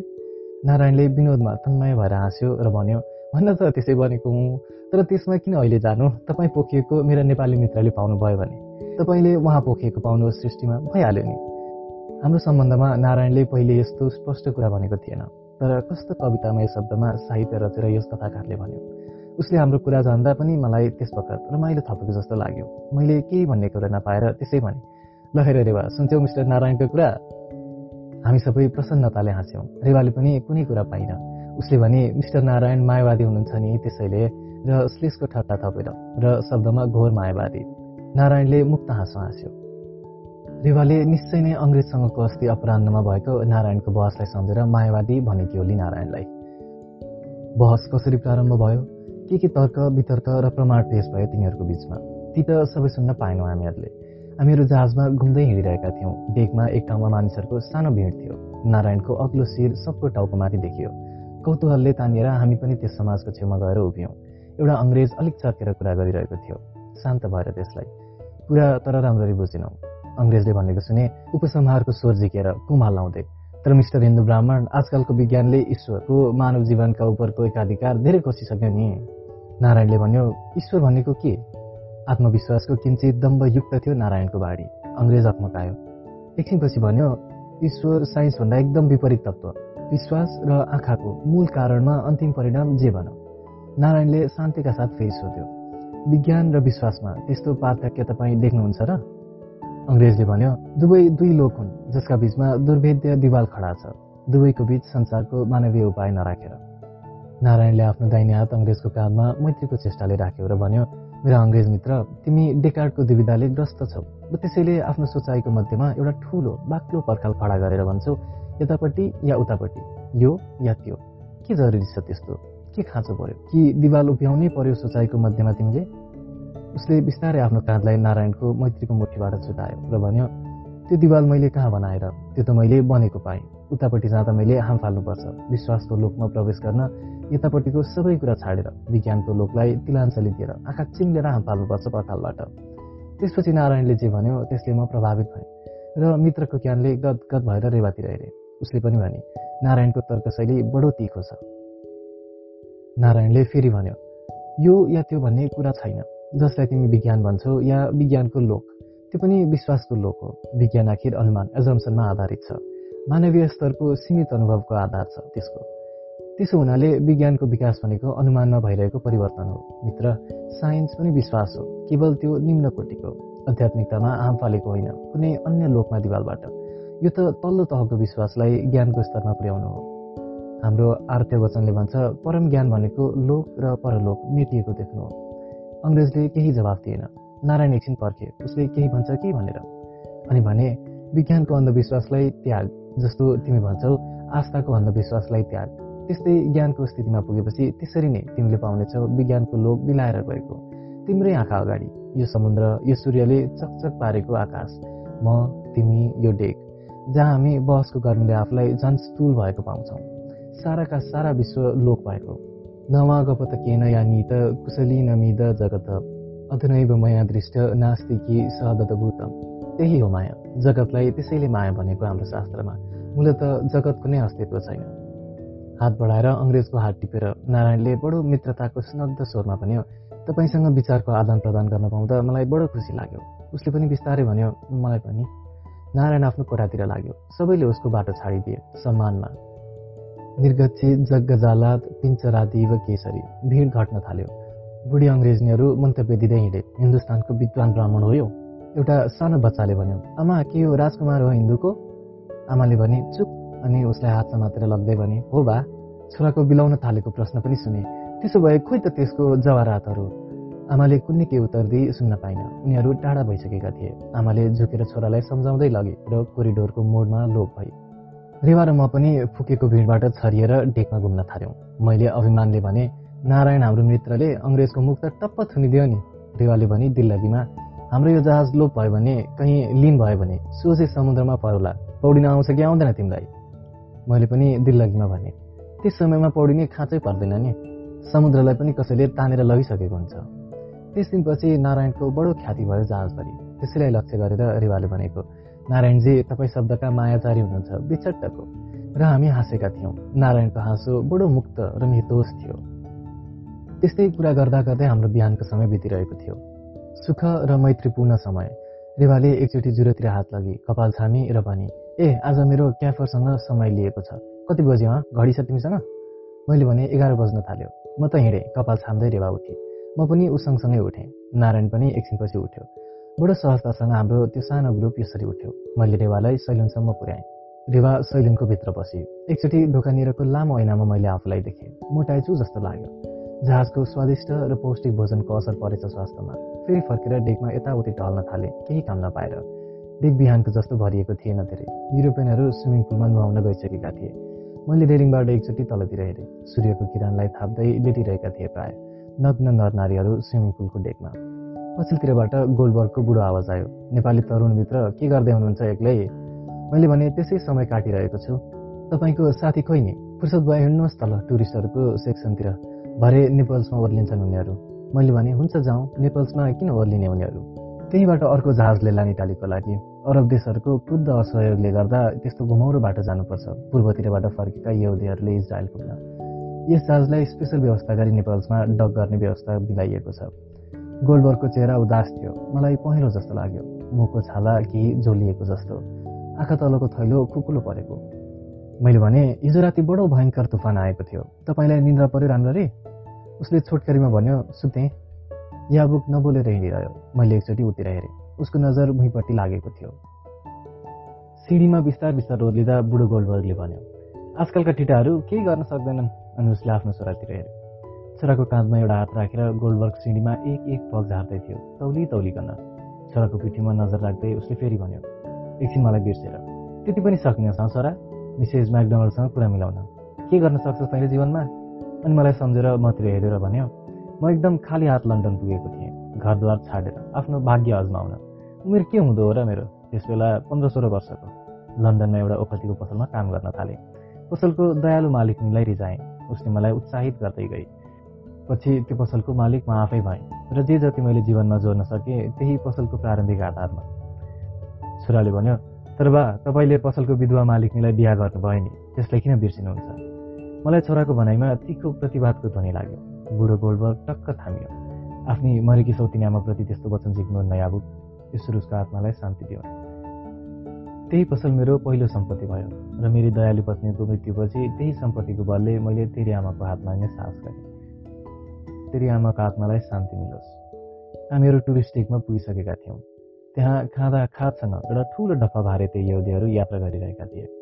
एकछिन तिनीहरूको बिचमा कुराकानी भयो। उनीहरूलाई लामो कुराको फुर्सद थिएन। पोको पन्ध्र बाँध्दै सामानहरू एकत्रित गर्नमा व्यस्त थिए। बुढाबुढीहरू उदास लाग्थे। केटाकेटीहरू ओहोर दोहोर गर्दै उनीहरूसँग नाना भातीका प्रश्नहरू गर्थे। युवकहरू हाफ प्यान्ट र हाफ सर्ट लगाएका। बिचबिचमा झर्केर उनीहरूलाई के खाली खाली गरेको? काम गर्न दिँदैनन् उनीहरूले भनेर झपार्थे बुढाबुढीहरूसित मैले हिन्दीमा कुरा गरेँ। उनीहरूले मराठी मिसिएको टुटे फुटेको हिन्दीमा जवाफ दिए। भने भारतलाई छाडेर आउनु पर्यो यी ठिटाहरूले हत्ते गरे। केटाकेटीहरू झुमिएर भन्न थाले।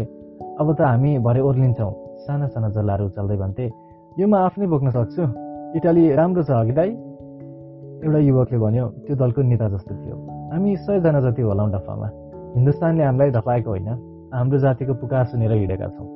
आफ्नो ऐतिहासिक भूमितिर नयाँ जीवन बनाउन। यहुदीको राष्ट्र हमेसा हमेसाका लागि कायम गर्न। गोल्डबर्गले उसलाई सोध्यो तपाईँहरूलाई केही भन्नु छ? उसले भन्यो धन्यवाद।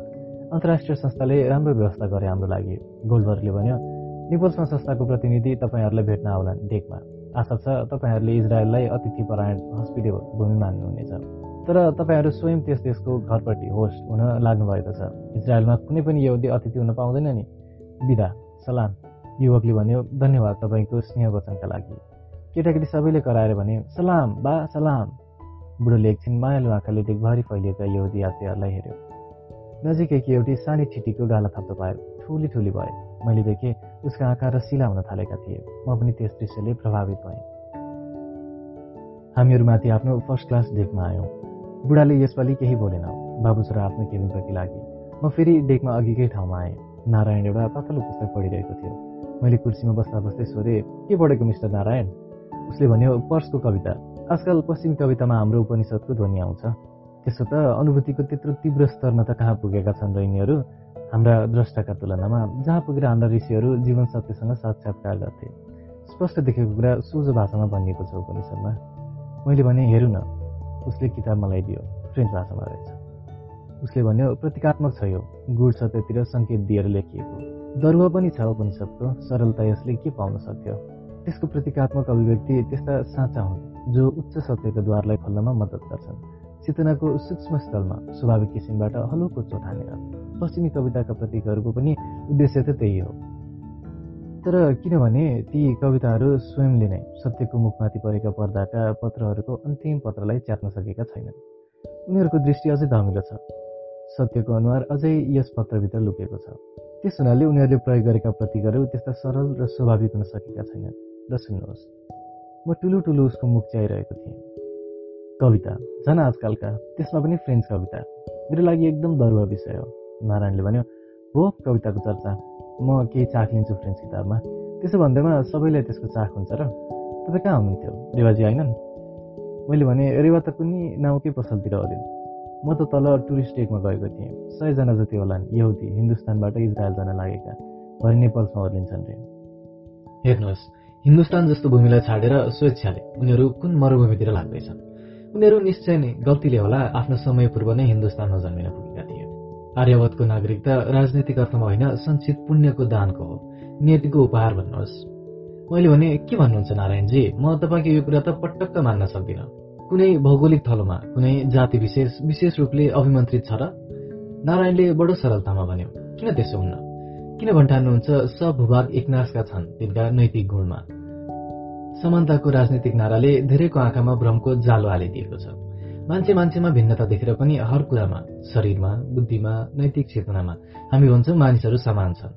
त्यस्तै जातिका बारेमा पनि र भौगोलिक क्षेत्रहरूका बारेमा पनि। जीवोत्कर्षको क्रिया किन वैज्ञानिकहरूले विभाजन गरेको? विभिन्न पशुवर्ग मानिस बाँदर भ्यागुता सर्प माछा आदिमा सीमित राखेर किन नभन्नु? उत्कर्षको सिद्धान्त जीवनले एक खुड्किलोबाट अर्को खुड्किलोमा जाँदा मात्र लागू हुन्छ। एउटै वर्गभित्र त्यो नियम लागू हुन्न? किन? सुन्नुहोस् नेपाली मित्र विभिन्न जाति विभिन्न व्यक्ति जस्तो आफ्नो भोग पुर्याउन आफ्नो आफ्नो स्थलमा जन्मिन पुग्छ। जाति राजनीतिक अर्थबोधक शब्द होइन जसलाई राष्ट्र भन्छौँ। न देश नै भौगोलिक विभाजन मात्र हो। राष्ट्र त पछि बन्यो। त्यो बनेन भन्दैमा जाति थिएन? कुनै देशलाई अस्वाभाविक किसिमबाट बाहिरको भौगोलिक क्षेत्र त्यसमा गावेर या त्यस्तै अस्वाभाविक किसिमबाट त्यसबाट कुनै क्षेत्र चुडेर ठूलो सानो बनाउन सकिँदैन। यद्यपि त्यस्तो कृत्रिम भौगोलिक खण्ड त्यसलाई एउटा प्रशासकीय क्षेत्र अन्तर्गत राखियोस्। केही वर्ष अघि हिन्दुस्तान बर्मा र लङ्का आजकल भारत र पाकिस्तान जस्तै। आजकलको विश्वव्यापी अशान्ति युद्धग्रस्तताको कारण जाति र देशहरूको असामाज्यपूर्ण अस्वाभाविक गठन हो। मध्यकालीन युग यस दृष्टिबाट ज्यादा सामञ्जस्यपूर्ण थियो। त्यसैले ज्यादा शान्तिमा पनि। त्यसै बखतमा रेवा पनि आइपुगे। सेन्टको मगमग हावामा फैलियो। नारायणले उठेर उसको लागि कुर्सी तान्यो। मैले भने धेरै बेर लाग्यो रेवा तिमीले? उत्तर नारायणले दियो। केस विन्यास के? त्यस्तो सजिलोसँग सम्पन्न हुने क्रिया हो? हाँसेर होइन त रेवाजी।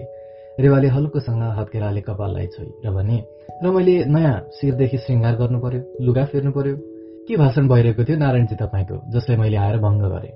मैले भने हेर न रेवा उहाँ भन्नुहुन्छ कुन भूभागमा र कुन जातिमा मानिस जन्मिन्छ त्यो उसको नियतिले निर्धारण गर्छ अरे। र प्रत्येक भूभाग र जाति असमान रूपले एउटा भन्दा माथि या तल छ अरे। बराबर छैनन् रे। रेवाले भने ए वर्णाश्रम धर्मलाई भूगोलमा पनि लागू गर्नुभयो नारायणजीले। र हिन्दू समाजमा मात्र त्यसलाई सीमित नपारेर विश्वभरिमा मानव समाजमा पनि।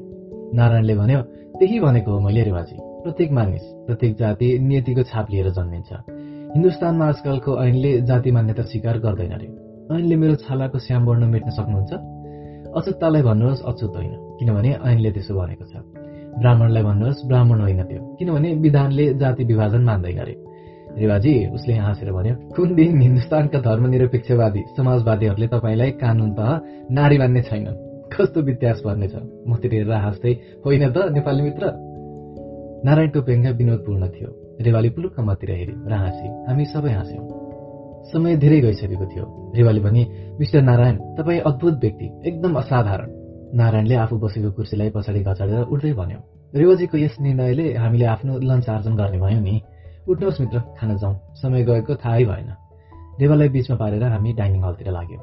नारायणले रेवातिर झुकेर भन्यो रेवाजी तपाईँको फैसला त मैले नबोलेर स्वीकार गरेँ तर बुझिन मेरो सम्मान भयो कि त्यसले या अरू नै कुरा? रेवाले भने नारायणजी तपाईँ निश्चय नै असाधारण व्यक्ति हुनुहुन्छ। यस्तो कट्टर हिन्दू मतवालम्बी पुरानतम व्यवस्थाको घोर पक्षपाती। तर तैपनि मेरा प्रति म जस्ताका प्रति पनि तपाईँको मायालु सहिष्णुतामा पाउँछु। नारायणले सोध्यो किन भन्ठान्नुहुन्छ? तपाईँका प्रति म मायालु नहुँ। किनभने मेरो आवाज सायद लाग्छ तपाईँको सदाचार सिद्धान्तसँग मेरो आचरण रेवाले वाक्य पुरा गर्न सकिन। नारायणले भन्यो ओ तपाईँको कत्रो लामो स्मरण शक्ति। मैले तपाईँको पश्चिमी पहिरनलाई मन नपराएको अझै सम्झिराख्नु भएको रहेछ तपाईँले सोच्ने मानिसलाई साँच्चै कुरा त्यसरी बित्छ।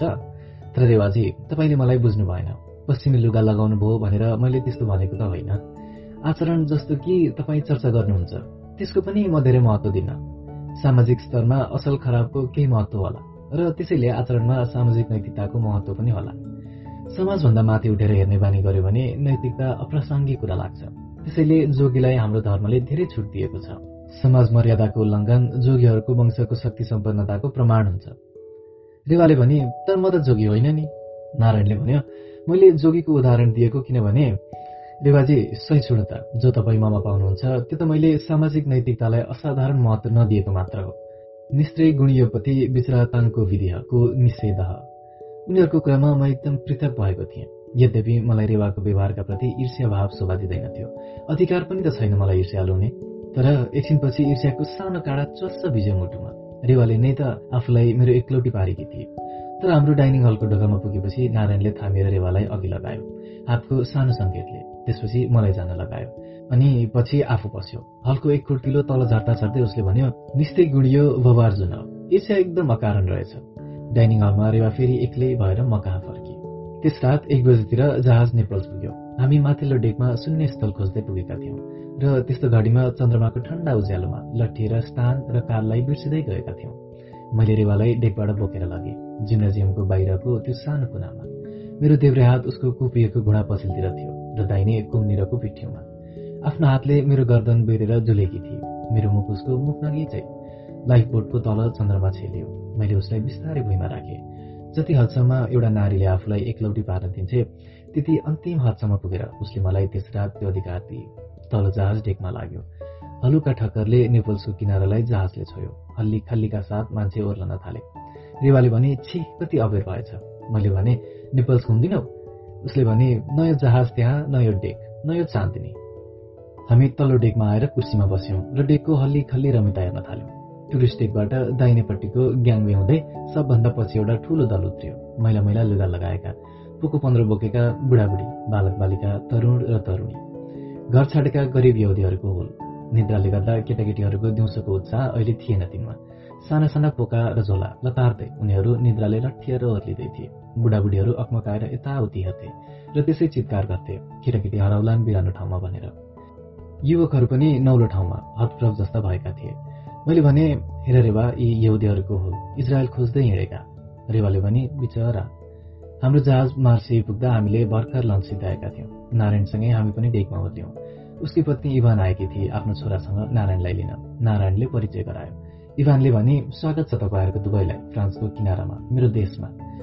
तर विश्वास मान्नुहोस् मेरो देश फ्रान्सभन्दा भारत भइसकेको छ। मलाई कति सन्तोष हुने थियो। यदि यो मुलाकात फ्रान्सको तटमा नभएर पुण्यभूमि भारतको तटमा भएको भए। नारायणलाई थाहा छ मेरो भारतप्रतिको श्रद्धा। नारायणले भन्यो इभान उहाँहरूलाई मार्से घुम्ने रहर होला। इभानले भने साँच्चै त किन अलमा ल्याइराख्नु? चार पाँच घन्टा त जहाज थामिन्छ क्यार एक चक्कर लगाएर आउन सक्नुहुन्छ। उसले ट्याक्सीको व्यवस्था गरिदिए। नारायणले बिदा लिँदै भन्यो रिवाजी बिदा। विश्वास मान्नुहोस् यात्रा बडो रमाइलो रह्यो। मेरा नेपाली मित्र पछि कहिले भेट होला? पशुपतिनाथको कृपा भयो भने तीर्थयात्रामा नेपाल आउँला। बिदा। इभानले भने म पनि आउनेछु नारायण सँगसँगै मैले भने तपाईँ आउनु भएन नारायणसँग भने मेरो आनन्द आधाभन्दा कम्ती हुनेछ। नमस्कार नमस्कार नमस्कार। ट्याक्सीवालाले एक्सिलेटरलाई गोडाले थिच्यो। गाडी तेज गतिले भाग्न थाल्यो। रेवाले भने जे भने पनि नारायण अद्भुत व्यक्ति थिए। मैले भने मानिसहरूमा महामानव।